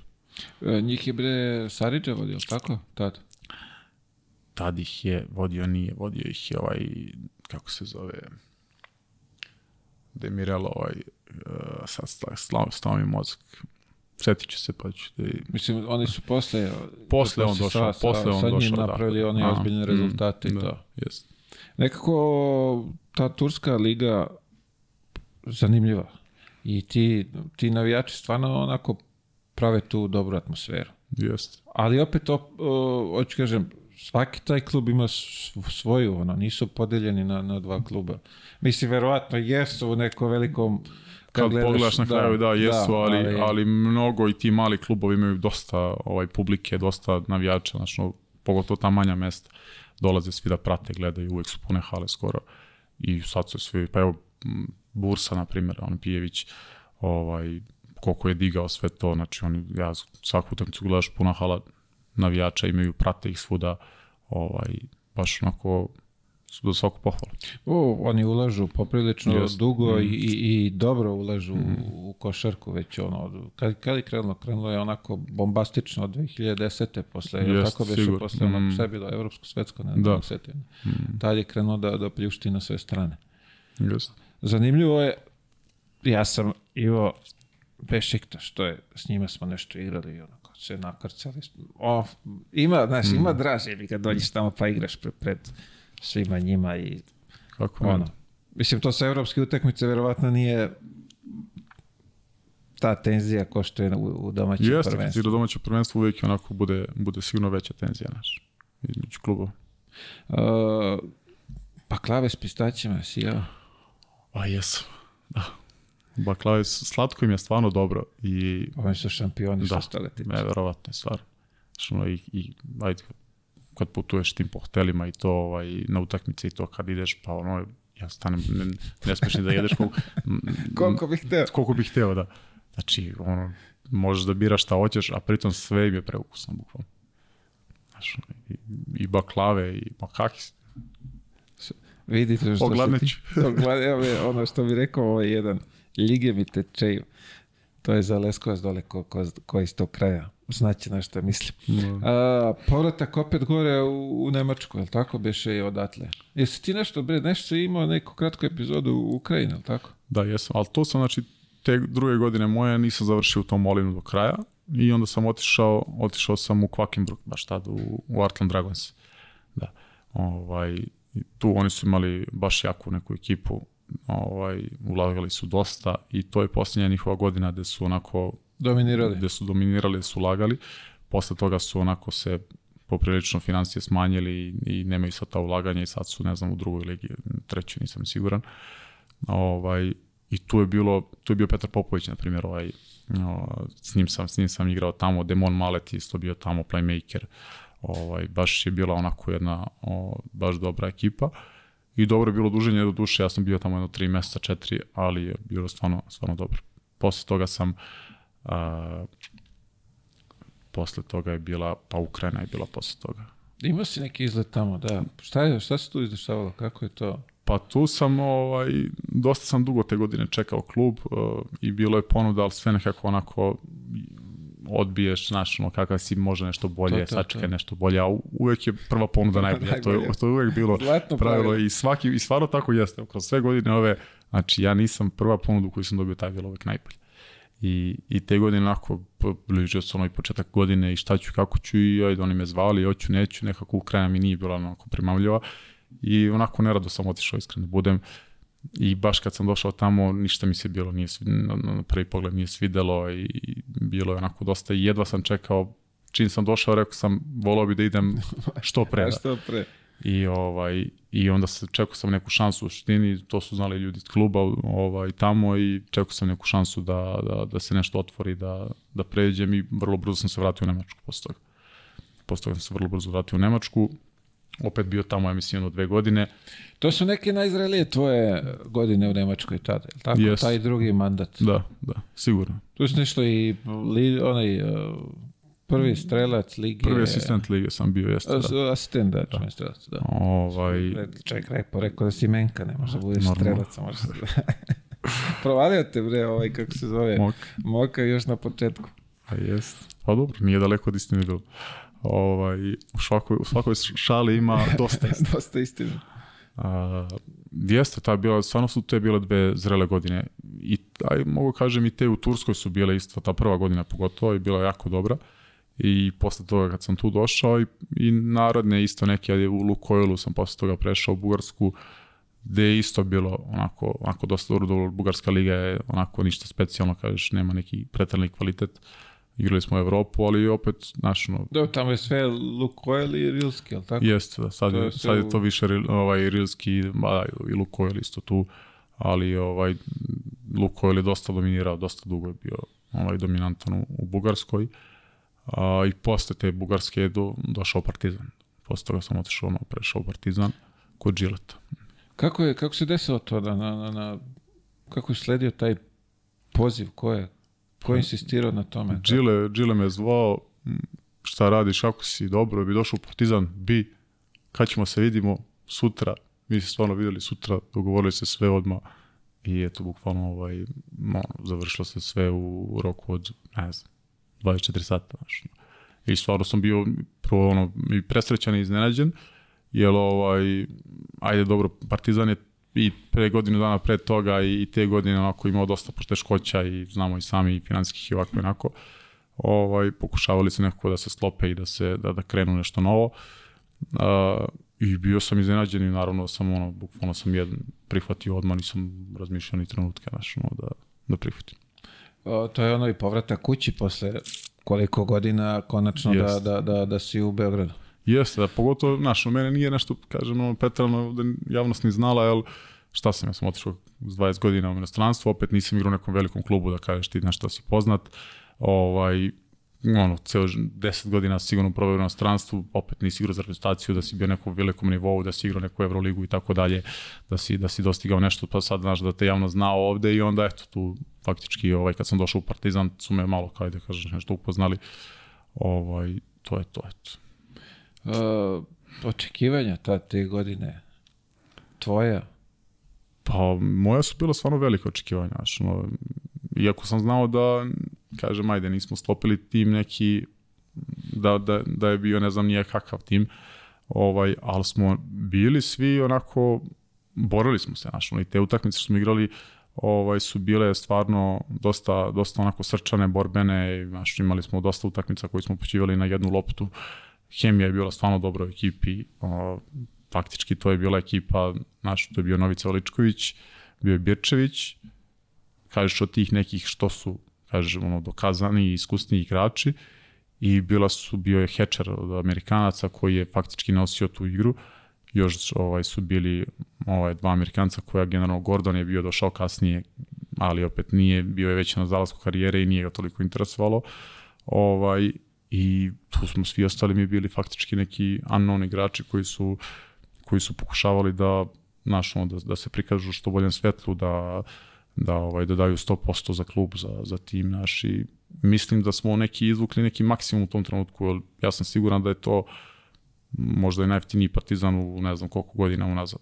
Ovaj, kažem, ajde ono, po kvalitetu nekih igrača i tako dalje, ali mi kao, kao tim smo se borili i davali smo sve od sebe i na kraju krajeva mislim da smo izvukli neki maksimum u tom trenutku koji smo mogli da, da damo. Naš. Je li tada, je to sad ova uprava ili je prethodna? Tada je bio Nikola Peković. Aha, aha. Nikola Peković je bio predsednik. A kakav je pritisak na igrače? Kakav si ti pritisak zapravo dožive? U stvari, da li si ga uopšte imao igranjem za Partizan i na tim utakmicama, kako to sve izgleda, kad svi očekuju da mora da pobediš zato što si Partizan? Pa da, a, pritiska je bilo, naravno. Mašno, i lepo je kad imaš pritisak. Ono, ja volim kad ima, kad ima malo pritiska i to, kada ovaj, se neka očekivanja i tako dalje. A, sam Partizan po sebi nosi veliku, veliku odgovornost i ne možeš ti da, da igraš u Partizanu da nemaš pritisak, znači to nema, to nema šanse. Uh, mi smo taj pritisak volili, iako smo znali da smo faktički neki outsideri ovaj, bog samog tima kakav jeste i koje su nam bile mogućnosti naše. Ali smo stvarno svaku utakmicu izlazili i pokušavali da dobijemo. Mi smo bili nadomak, ovaj, izgubili smo tad u ABA ligi od Cedevite, bukvalno na jednu loptu smo izgubili ovaj, za, za finale ABA lige. Ovaj, u kupu smo isto bili, ono, izgubili smo od, od Zvezde u kupu u finalu, pritom smo samo bili, pola njih se monoklozu dobilo ovaj, dva dana pred utakmicu, onako baš je bilo neko teško stanje, ali smo neko mogli stanje i tu smo, tu smo odigrali istu utakmicu super, znaš, no i sve te derbije koje smo igrali, ovaj, sad slagajući mislim da ih je bilo pet, uključujući s tim, ovaj, da smo dobili dva, da smo tri izgubili. Ovaj, nisam sad ni ja ni, tačno siguran, ali mislim da, da, da je takav neki bilans bio. I sve te što smo igrali, stvarno smo se ono naš borili. Iako smo imali ekipe neke koje su bile naš ono, bolje od nas, što se tiče samih igrača i svih ostalih. Naš. Pa vidi, zamisliš da se niste borili. to nam je jedino preostalo bilo. to je jedino što preostaje da. da se boriš ako nemaš neki ovaj veliki kvalitet. Uh, Gile, ta trener, kako je, kako je sarađivati s njim? Čuo sam, ovaj, znam ga i onako čuo sam da su neki prezadovoljni saradnjom, neki onako, kako, kako to iz tvog ugla deluje? Pa, Gile je trener koji stvarno zna dosta košarku i ovaj, mnogo zna košarku, uh, dosta detalja, onako, opet isto posvećeno je 24 sata u tome. Uh, moje neko iskustvo sa njim je stvarno dobro. Mislim da je od tog partizana koji je imao na raspolaganju uradio dosta, stvarno dosta i da je, da je pokušao da izvuče maksimum, naravno, svako će reći ne, neku svoj deo priče i svako će da, da misli neki svoj način, ja mogu da kažem, mogu sam da igra više, mogu sam da igra manje i tako dalje, neko će reći ovako, onako, ali sve ukupno gledano, ovaj, na cijelu situaciju koja nas je zadesila i sve šta je bilo, mislim da je to bio izvučen neki maksimum i da ovaj, nekako našno i kad, kad gledam neke stvari, ovaj, dosta igrača je igralo i iznad nekih svojih očekivanja i dala, dala doprinos dobro. Uh, on isto te godine odlazi, tako? Ili on, on ostaje? Kako tako, nešto odlazi, beše? Da, da, da. Odlazi, on posle toga ide u budućnost. Ovaj, otišao bio u budućnost i o, to je to, da. Ali sad smo, ja mislim, sa, sa Makijem da smo pričali, koliko je zapravo tih, aj kažemo, igrača i, i trener, dobro, Gile nije bio igrač, u stvari možda jeste pre, ne, ne sjećam se toga, ovaj, koji su tu Partizanu bili, a da su onako, da im nije prava šansa pružena da, da, da naprave neki kontinuitet na, na duže godina, da, da, da se uradi nešto kako treba.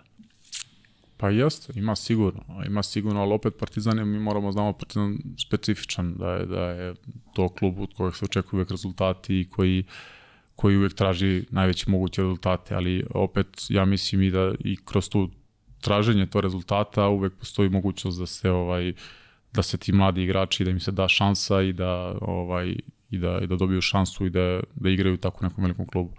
Uh, ne znam, znači, ja bih volao stvarno da vidim da vidim što više i mladih igrača ovaj u, u tim klubovima kao što su Partizan i Zvezda. Uh, naših domaćih koji će onako imati neku i podršku i šansu, jer mi smo opet zemlja koja ima mogućnosti da to ima dosta, dosta igrača koji, koji mladih koji mogu da pariraju tako, tako nekim klubovima da budu konkurentni za tako nešto i da im se da šansa i siguran sam da bi, da bi oni to iskoristili na pravi način. Znaš, treba, naravno uvek treba strpljenja, opet kažem, To je, Strp, mislim, strpenja je, ja mislim, jedino čega nema. pa jeste, da kažem opet, znači, sigurno se očekuju rezultati, toga će uvijek biti i to je nesporno sve, ali ja mislim da i kroz te i, i, i možeš da gledaš i rezultat, a možeš da gledaš i, i neke mlade igrače da, da budu tu. Ovaj, m, volao bi stvarno da vidim više, više naših igrača u našim klubovima, konkretno kažem za Partizan i Zvezdu.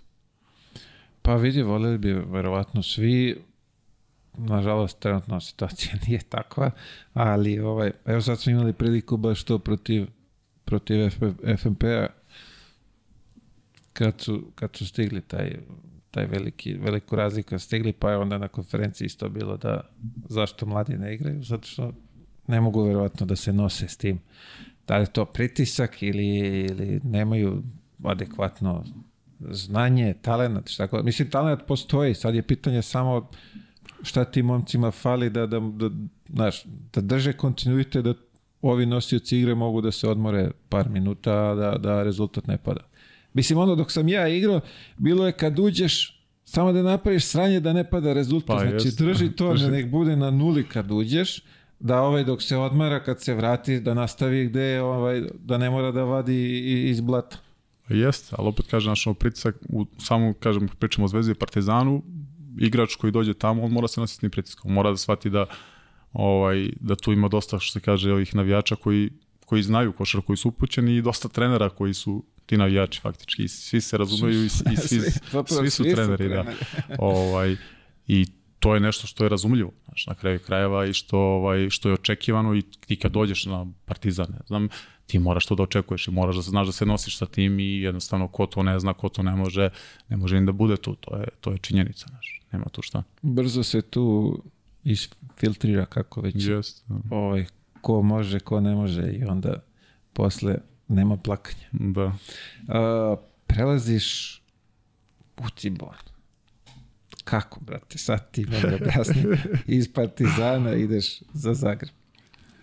Pa jeste, to isto, posle toga sam isto dosta dugo čekao ovaj klub, bio sam nešto i na, na pripremama sa Milanom, Olimpijom, ovaj, prošao tu i imao sam onako dosta nekih ponuda koje nisam teo prihvatim.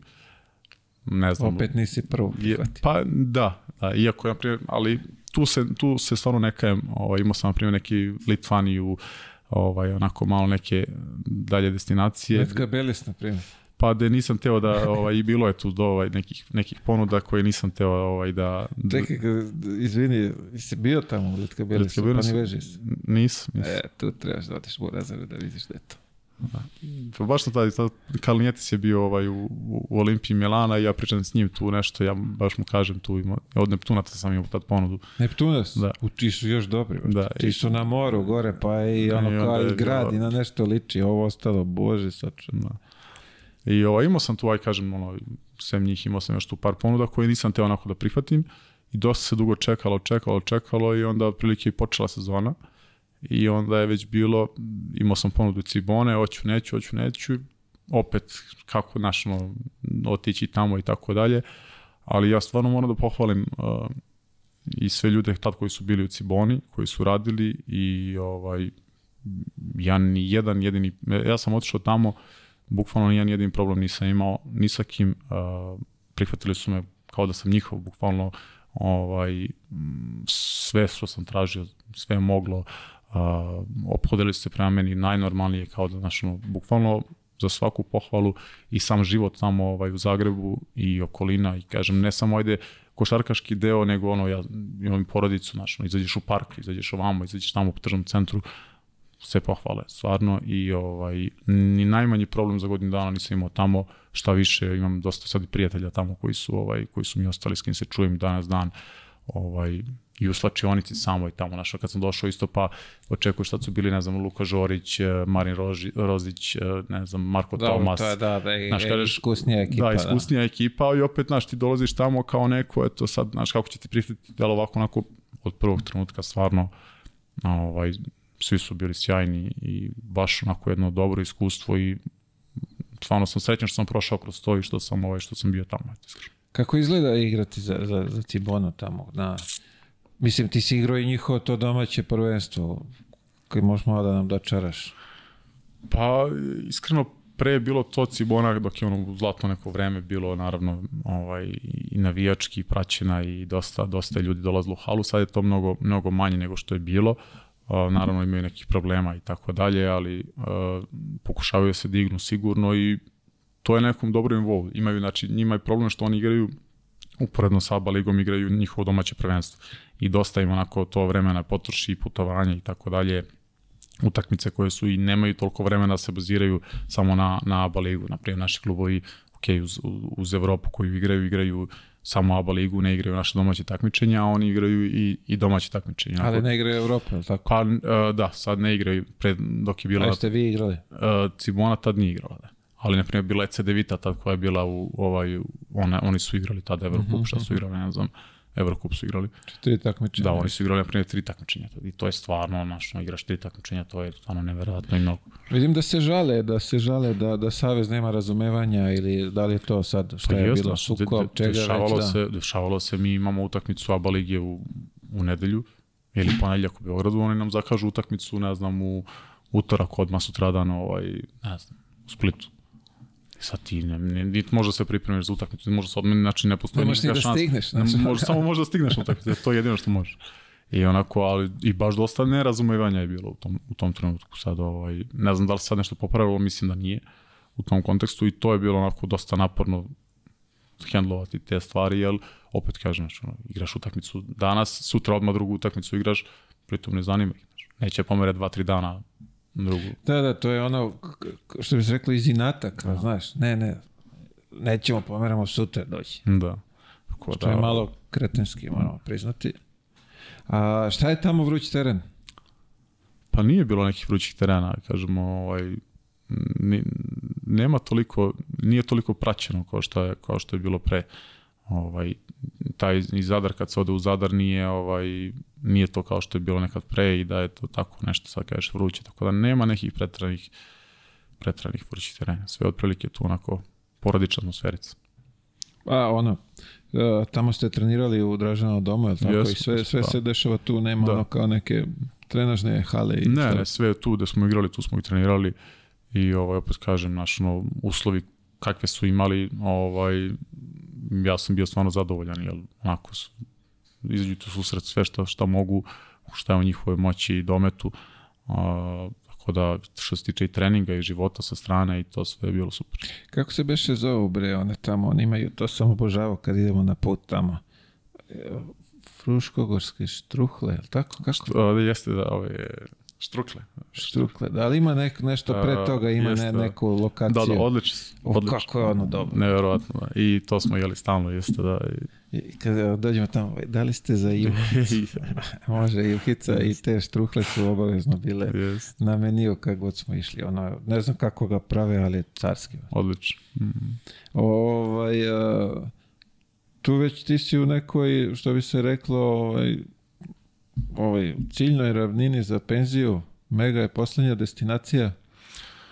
Da, to sam već onako počeo da razmišljam i ja već šta i kako dalje, znaš, ono, da im de, de ću, šta ću, jel, bližilo se u suštini to da, da treba da završim karijeru. Uh, onda, eto, Mega, Mega me zvala i dogovorili smo se, bili faktički na dve godine smo se dogovorili da budem tu, ovaj, neki igrački, igrački deo. Uh, uh, i da faktički tu završim i onda ono što smo pričali da, da postanem, da preključim stručnom štabu. Ovaj, međutim, to se desilo posle, odmah posle prve godine, ali ja sam imao faktički, kad sam došao u Megu neku poredu leđa, ovaj, gde sam onako trebao da idem na operaciju, hoću, neću, hoću, neću i onda ovaj, imao sam sreću da sam našao ovaj, dobrog, dobrog doktora, što se kaže, koji me ovaj, fizioterapeut u stvari, pozdravim ga ovom prilikom Dejana, fiziosistem, uh, ovaj, moram malo da izreklamiram što se kaže. Slobodno, samo izvoli. Ovaj, uh, on, on me je stvarno uh, spasao i... Šta je bilo u pitanju, diskusija? Pa diskus, da. Ja sam, faktički svi su mi rekli, ono, bio sam fano na dosta, dosta nekih uh, provera i sa dosta ljudi sam pričao i svako je rekao, mora se operišem ako želim da se nastavim da se bavim sportom, znaš. I ja sam faktički bio zakazao operaciju i pričam tako, eto, sad ti ja ovako pričamo, a taj dečko sluša ovde sa strane i I on meni kaže, pa ajde, kaže, možda mi daš, kaže, jedno 5 dana, 7 dana da, ovaj, da probam da to poravim, kaže, pa da im, ja gledam, rekao, kakvi je 7 dana čoveče, ja dva mjeseca ne mogu da ispravim leđa, rekao, ti će me proći za 7 dana. Kaže, aj ako možeš pomeri operaciju 7 dana, kaže, pa ćemo da, da, da vidimo šta i kako. I Ja, A čekaj, niste se poznavali uopšte? pa znali, znao sam ja njega onako, Aha, ali... ne, ja sam kapirao sedi za susednim stolom, to pa- Ćao, čao. I, ja, i ja slušam, rekao, pa, mislim, jesi ti siguran? Kaže, aj molim te, kaže, da vidiš. I ja lažem. I veruj mi, ja posle 7 dana, ja nisam dva mjeseca mogao se ispravim, ja sam bio savijan skroz. Ja sam posle 7 dana ispravio. Kažem, prvi put da osjećam nešto, bio sam na raznim terapijama, kod raznih ljudi i tako dalje i ništa. Ja rekao, prvi put da, da osjetim stvarno neku promjenu. Znaš, i ja ono pozovem, ne znam, Miška tamo i ove ljudi iz Mege, rekao, ljudi, molim vas, ako mogu da još pomerim operaciju Dekija, rekao da vidim, da, da probam da se oporavim bez operacije. I oni kažu, naravno, znaš, slobodno šta god može. I ovaj, i čovječ, ja sam posle mjesec dana to posle toga igra utakmicu. Aj. Znači, neverovatno nešto, mislim, radio sam stvarno dosta, on, znaš, radili smo po 6 sati dnevno, sigurno, ovaj, uh, i oporavio me i hvala Bogu. ništa Čekaj, samo kroz vežbe ili ne, kroz, nešto? najviše, najviše kroz vežbe, da, najviše kroz vežbe, ovaj, naravno, bila je tu neka fizikalna, ali najviše je bilo vežbe same i do, do toga kako da, ovaj, faktički, kako da uključim druge, druge delove tela da preuzmu funkciju tu koju bi trebali da preuzmu. Znaš, ono, radiš trbušnjake, ti misliš da ih radiš pravilno, ne radiš. Znaš. Da, ja sam tek u 33. godini shvatio da ja nisam radio pravilno trbušnjake. Znaš, i da, ne- i da znaš, ono, imaš trbušnjake koji faktički ti nisu ni, ovaj, nisu bili u funkciji kako i treba da budu. Tako da sam imao tu sreću da sam to ovaj, našao njega i, i koji me oporavio, nisam se hvala Bogu operisao. I onda sam, eto, kažem, ajde, na kraju te sezone sam rekao da je stvarno dosta i da ne želim više da, da budem i ukazalo se mesto da budem pomoćni trener.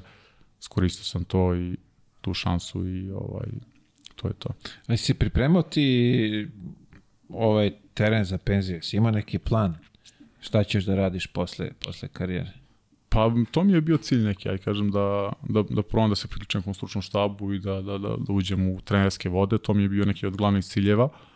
Ovaj, naravno, ajde kažeš nešto usputano, neke, neke posliće te što radiš usput, to je, znaš, to je, svi, svi otprilike to radimo, ali kaže konkretno nešto čini volao se bavim, sam već ono razmišljao o tome da budem, da budem u trenerskom poslu. Kad je počeo to? Kad si, po, kad si u stvari počeo da razmišljaš da trebaš da praviš plan za... za...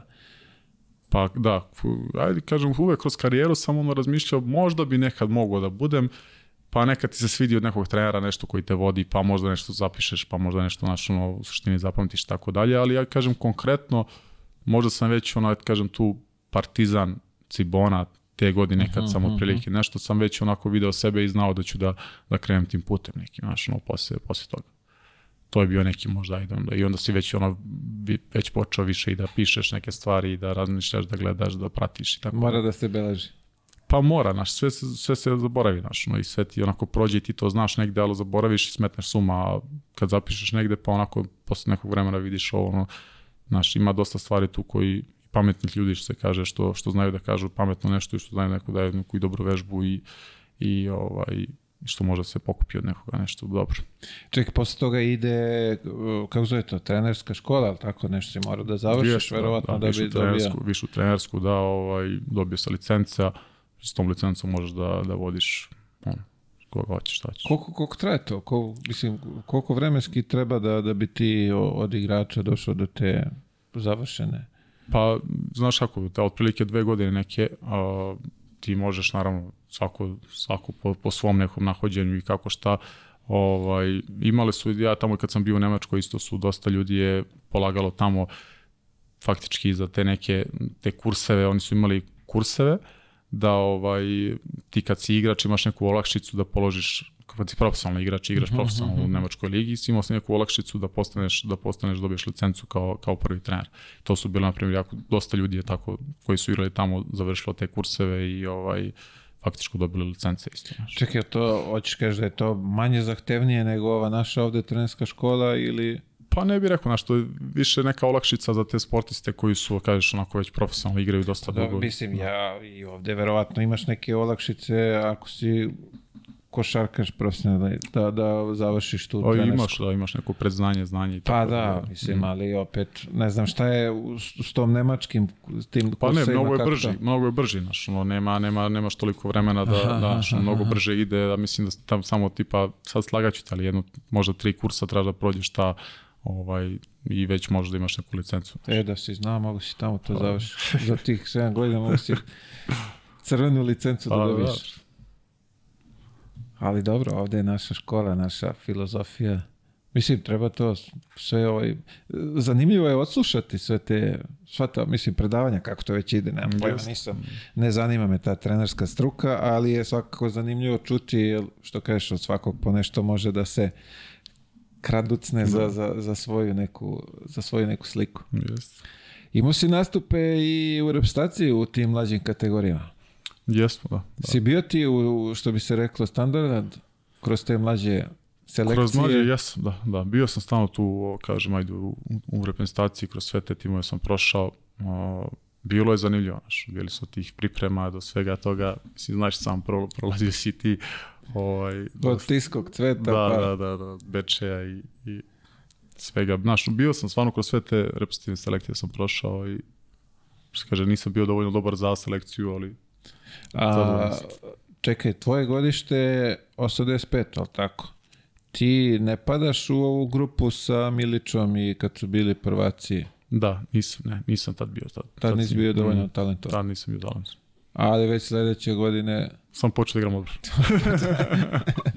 kad ti ko beše skrenuo pažnju da treba da, da igraš samo Pre nego. Banjarević. Tako je.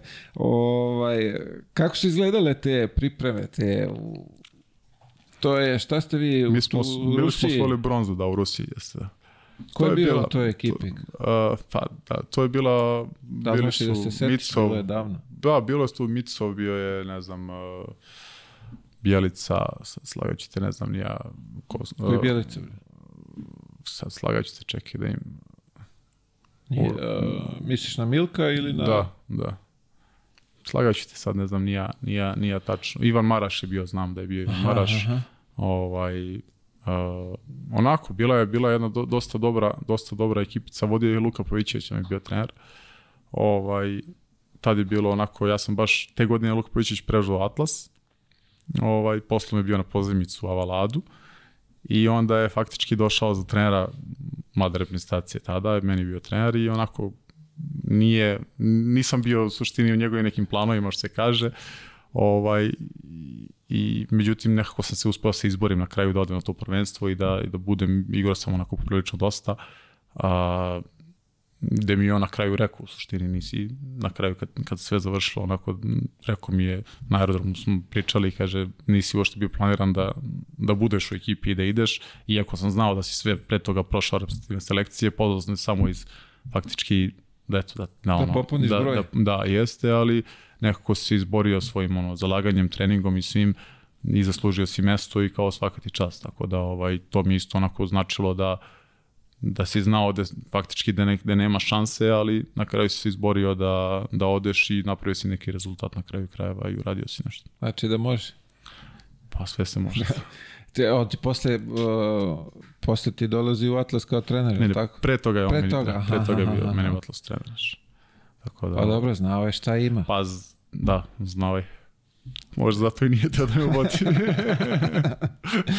Zato A tad si znao. već bio menkav. Da, da, da. Odmrmeni igrač bez šuta, Jeste. tako da ni, nikom ne treba takvi tipovi igrača. Svi hoće da su ovaj neki kreatori. Pa, da, Ali vidiš, uporni radom sve može. tako je. Bronza iz Rusije, koga ste dobili za treće mesto? Sećaš se? Pa, Rus, uh, Rusi smo dobili bili. Ne, Rusi su izvini bili prvi, a mi smo, ne, izvini, da, Rusi smo dobili za, za, za treće mesto, a Španci su bili prvi. mislim. Svi oni su već tada metlali sve Jeste. rada. Tako Da, Ste od njih izgubili za polufinale. a, pa mislim da jesmo, znaš, sad ja više, znaš, no, Daleko je vidi Da, 2005. daleko Znaš ti gde je to bilo, čovječe? Tad se pojavio Sony Ericsson. Da. Ona je cigla velike. pa jeste, jeste, Pa tad, da, to je ta neka godina. Tad, tad se to pojavilo. Ovaj, šta, šta, šta smatraš najtežim momentima u karijeri? Pa ne, nisam imao srećom, nisam imao neke teške momente, stvarno, hvala Bogu, povrede su me zaobišle, nisam imao problema sa tim, ajde, možda taj prvi utisak kad sam otišao u inostranstvo, možda mi je to bio onako težak, težak period kada sam, kada sam otišao kao mlad, neka pri, privikavanje i tako dalje. Uh, sve sam toga nisam, nisam imao, našo, hvala Bogu, imao sam, bio sam zadovoljan u svakom klubu gde sam bio, nisam imao nekih problema, o, zadržavao sam se ono, godinu dana i više u svim klubovima, tako da to je neki znak da sam mi je bilo lepo i da sam opet ja dao neku sliku da, je, da, da, da sam vraćao neki način. Uh, nisam, kažem, ajde nešto sad da je, da bilo nekih stvarno teških trenutaka. Bilo mi je možda to teško na kraju kad sam se povredio u Megi, gde sam, ovaj, kažem, ajde treba da se operišem, to mi je možda bilo onako malo kao šta sad, opet imam i godina, da li se operisati, da li ne, ali srećom se nisam operisao i na kraju to je dobro prošlo. Znači može, pa ovaj, kako ide, nož je poslednja opcija, ali tako? Da. To, tom logikom, mislim, treba se voditi, zašto ne, ako može bilo šta, pored nož Da. je ono što na kraju kad već ne može da se, da se opore. E, imam sad jedno zanimljivo pitanje za tebe. Razmišljam o tome i malo pre kad si spomenuo ovaj Derona Williamsa. E, ne bi mogao da mi na, nabrojiš napraviš petorku tih stranih koji su igrali s tobom. Stranih igrača. Da. Koji su bili tvoji saigrači. Od 1 do 5. Da kažeš onako, mislim, bilo bi poželjno da kažeš i puno ime i prezime, ako ono se sećaš, da, da bi ljudi znali o kome pričaš. Da znamo s kim si igrao od tih velikih. Pa ajde, od tih Mislim, kažem, Da su veliki ili nisu, to je sad naša... Ovaj, pa Rana Tulsona bi sigurno stavio ovaj, o, to Rana, je taj šuter Belac. tako? Jeste, da, Ryan Tulson. Uh, ajde, na playmakeru bi stavio Jason Gardnera, što je bio MVP, MVP Nemačke lige. Uh, na tri bi stavio možda Delonte što je bio u Atlasu. Primer, on je bio jedan iz vrstan strelac, što se kaže, i odličan igrač. Od visokih igrača, pa možda bi stavio mm, Brian Kvele, ovaj što je igrao sa mnom u Alijagi. Imali smo onako dobru saradnju, s njim sam stvarno igrao, igrao sam stvarno dobro. On je petica, on je posle igrao, mislim, i za Unix, ovaj, i za Unix mislim da je igrao. Uh, tu je, na primjer, došao kao treća opcija, treći visoki i na kraju je igrao faktički ono sve su bili otrali, on je igrao sve sam i stvarno igrao, igrao jako dobro tu. Ovaj, ja i sad ne znaš, ono četvorka, Pa ne znam, ni ja. Koju bi četvorku mogu da ti, da ti kažem tu. Pa stavio bi možda i Luku Žoreća, kažem, ajde od tih inostranih igrača, ipak je ono, kažeš ono, ali on je, aj, kažeš ono, petica, ovaj, izuzetan talent isto naš, ono, i vradio. Da, on je lepo, jeste, da, lepo, lepo igrao i kako naš, igra i on kad hoće da igra, kad je ovaj te godine ajde ono kad smo igrali u Ciboni zajedno igrao je stvarno na jednom na jednom na jednom dobrom nivou čak ja mislim bio i MVP lige znaš ono bio je baš je baš je baš je dobro igrao Vidi, bio je nezgodan, toliko Jeste. da je to bilo strašno. Nikad ne znaš s njim na, na Da, čemu si. Ti uvijek će te nabrati. Jeste, na, mogu je znaš, ono, i da šutne i da, da leđima da odigra, onako bio je dosta, dosta je oružja nekih imao u napadu da može da te da pobedi protivnik. Vidi. Sećam ga se, sećam ga se i ja. Nije bilo lako čuvati ga.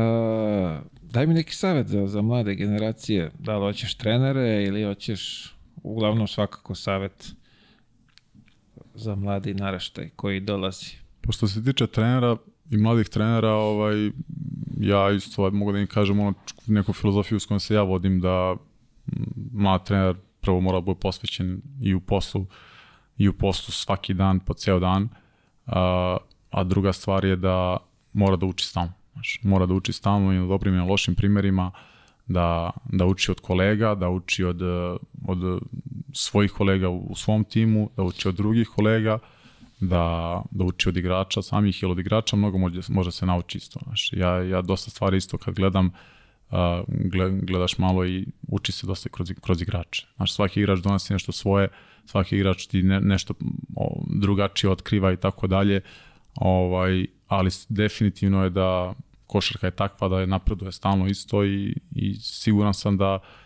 svaki trener mladi a i stariji može da napreduje naš ono kroz, kroz, vreme stalno i to je nešto što je da, da se stalno kon, konstantno edukuješ, učiš ovaj, gledaš, pratiš i da čuješ ostale ljude oko sebe, znaš, jer fakt i, i ti ljudi koji ti govore i da li ti govore dobro ili loše, ovaj, može se nauči uvijek iz toga. Samo je bitno da li šta želiš da, da, da primeniš, Tako. da selektuješ šta valja, Tako. šta ne valja i da... Tvoje je toga- kako ćeš ti to da selektuješ u svojoj glavi, da znaš, šta ćeš da prihvatiš, šta nećeš, ali sigurno je da preduslov je prvi da moraš da ih čuješ dobro i da razmisliš o tome šta, šta pričaju, znaš, šta pričaju, jer ti ako samo njih čuješ, prođe ti kroz jedno ovo, kroz drugo, izađe, Tako nećeš, nećeš ništa ostati u tebi, znaš. Moraš da procesuraš to što čuješ i da, da probaš da vidiš da li je taj neko u pravu, da li je to nešto stvarno dobro tako, znaš. Ali bez teorije zavere. Bez, pa to je sigurno, to je, to je preduslov sigurno, znaš, ono, jel, kod nas dosta ima toga da mi teorije zavere i to. sam, zato sam i ovaj, napomenuo. Da, Zato što ovde svako ako ti neko kaže neku kritiku, Jest. to odmah kreće "E, ovaj nas ne voli, ovaj je protiv nas, ne prijatelj, ti kažemo kako jeste, sad ti kako ćeš shvatiti što je do tebe, ali jest. ono, ne mora svaka kritika da bude ono teorija zavere kako ja ru- rušim nekog ili neko, nekog ruši, to Tako je. prijatelju, samo ti kažemo, sad ti to svrstaj kako želiš. Tako je, tako je. I mnogo je bitno što, to što kažeš, da, da, da procesuiraš to, da, da ukapiraš, da razmišljaš o tome, jer to te onda malo izdiže za koju lestvicu iznad ostalih. Ba, sigurno.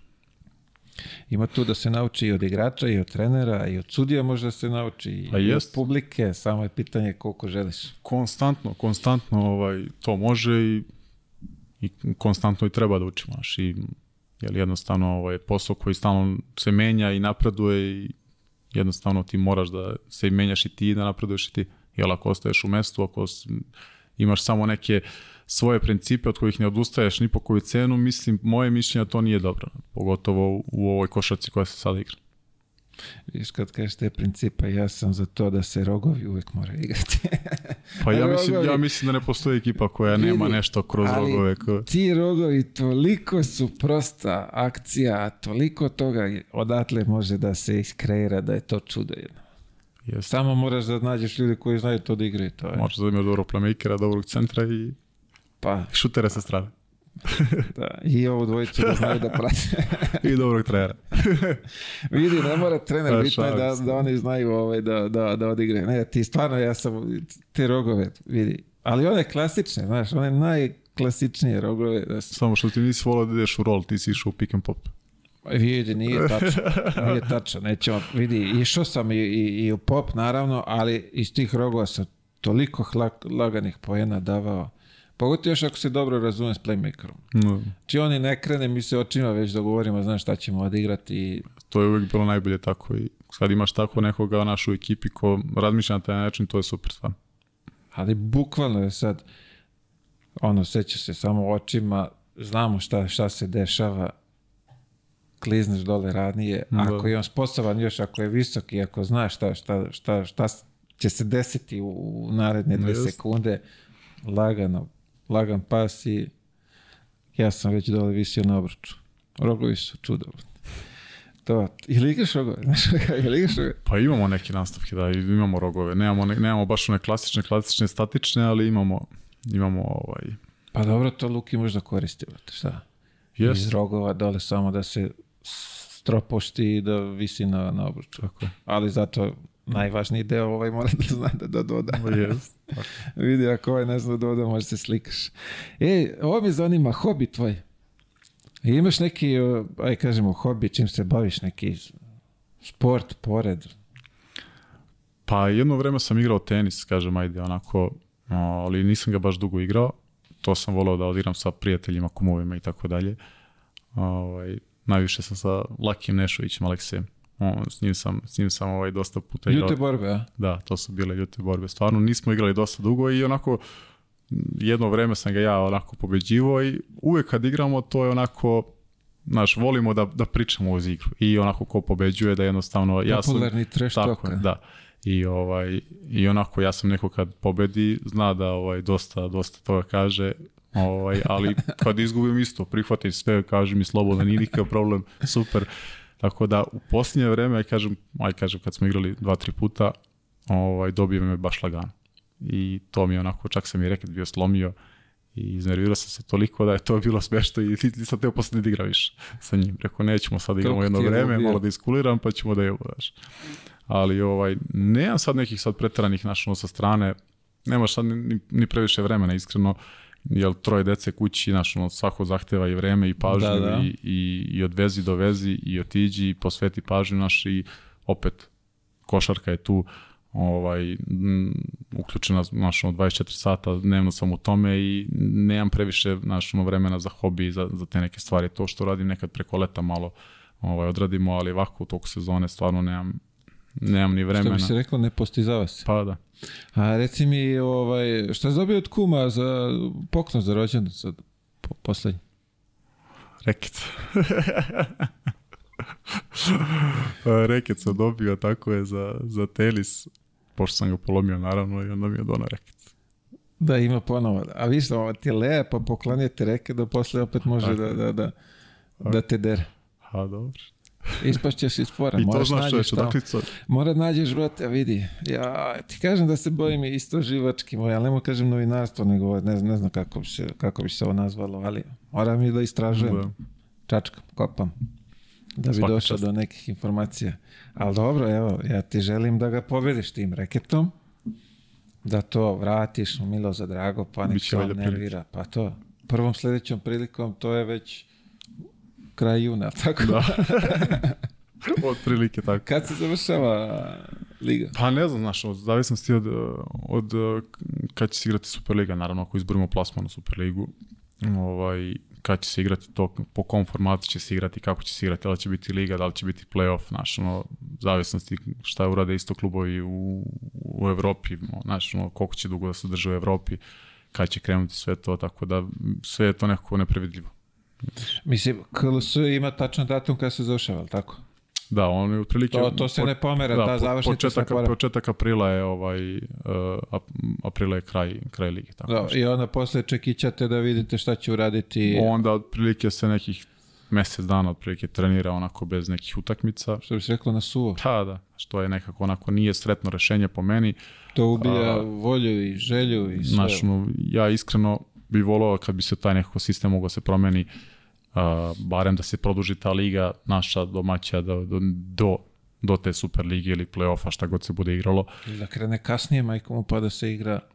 Pa možda, ili da se krene kasnije, ili naš nekako da se te utakmice, imamo mi dosta tih utakmica, neki što igramo među kola sredom, ovaj, po meni opet, znaš, ono, ja razumem i klubovi, neki su i nekim teškim situacijama i nema neke financije, ali uh, mnogo bi bilo dobro za, za, za, za tu decu faktički i za, za mlade igrače da mogu da treniraju i da budu u funkciji kluba neki duži period, jer sad ti mi završiš, završiš u, u ovom aprilu aprilu sezonu i šta ćeš, ono, on čeka do sledećeg, neko krene u septembru tek da, Da. sa klubom.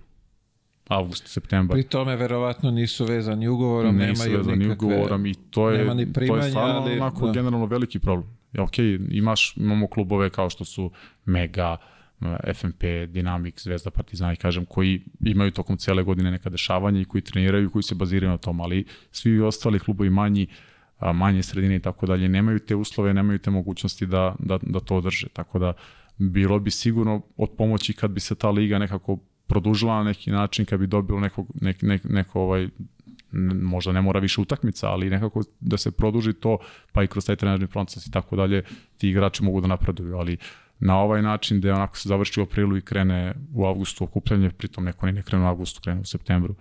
To je mnogo, mnogo veliki period ovaj, bez kluba i bez nekog trenažnog procesa. A, nažalost, nažalost, tako je. Sad, verovatno, ako bi neko seo nekih pet normalnih, pametnih ljudi da bi mogli da se dogovore da to kako bi trebalo, ali očigledno da ovaj, da ne verujem da je zbog financija da, da, da se tako to sve radi. Pa ne Ja znam, je pazio, mi, železnik, dajem ti primjer. Mi smo trenirali sezona, nebitno do kad traje, ti si imao obavezu da treniraš sa ekipom do, slagajući do kraja juna. Možda čak i do, da, do kraja juna, možda i polovinu jula, tako nešto, i dobijaš, ja mislim, dve ili tri nedelje, pauze, ideš tada, ono, koristiš more, šta stigneš i vraćaš se ponovo na, na trening. A zamisli sad, momci, od aprila, kad završi ligu, pa do septembra. Pravo si, mislim, to je stvarno ispravno i tako je, tako je bilo idealno kad bi mogao svaki klub da, da uradi tako nešto, ali nemaju uslove sigurno za to, em finansijski, em, ne znam, hale i tako dalje.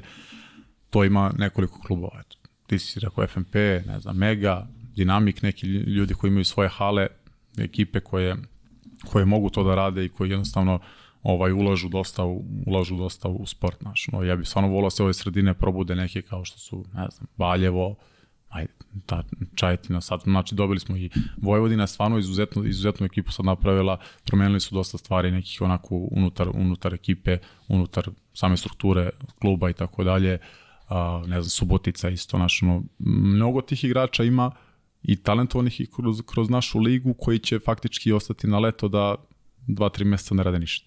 Znaš, mi više od dva, tri meseca. Pazi ovo, ajde ovako, moje neko razmišljanje. Ok,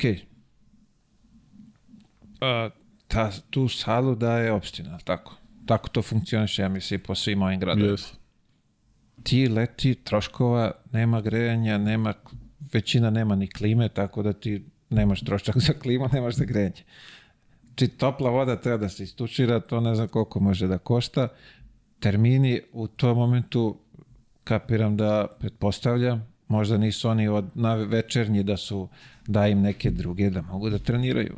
Možda po meni nije veći problem sama hala, koliko je problem znaš sam da su ti svi klubovi skrpe s kraj s krajem i da je nekim klubovima stvarno teška situacija i našno treba obezbediti i stanove i hranu i platiti, ne znam, trenera Bravo, jednog, drugog, trećeg. bravo.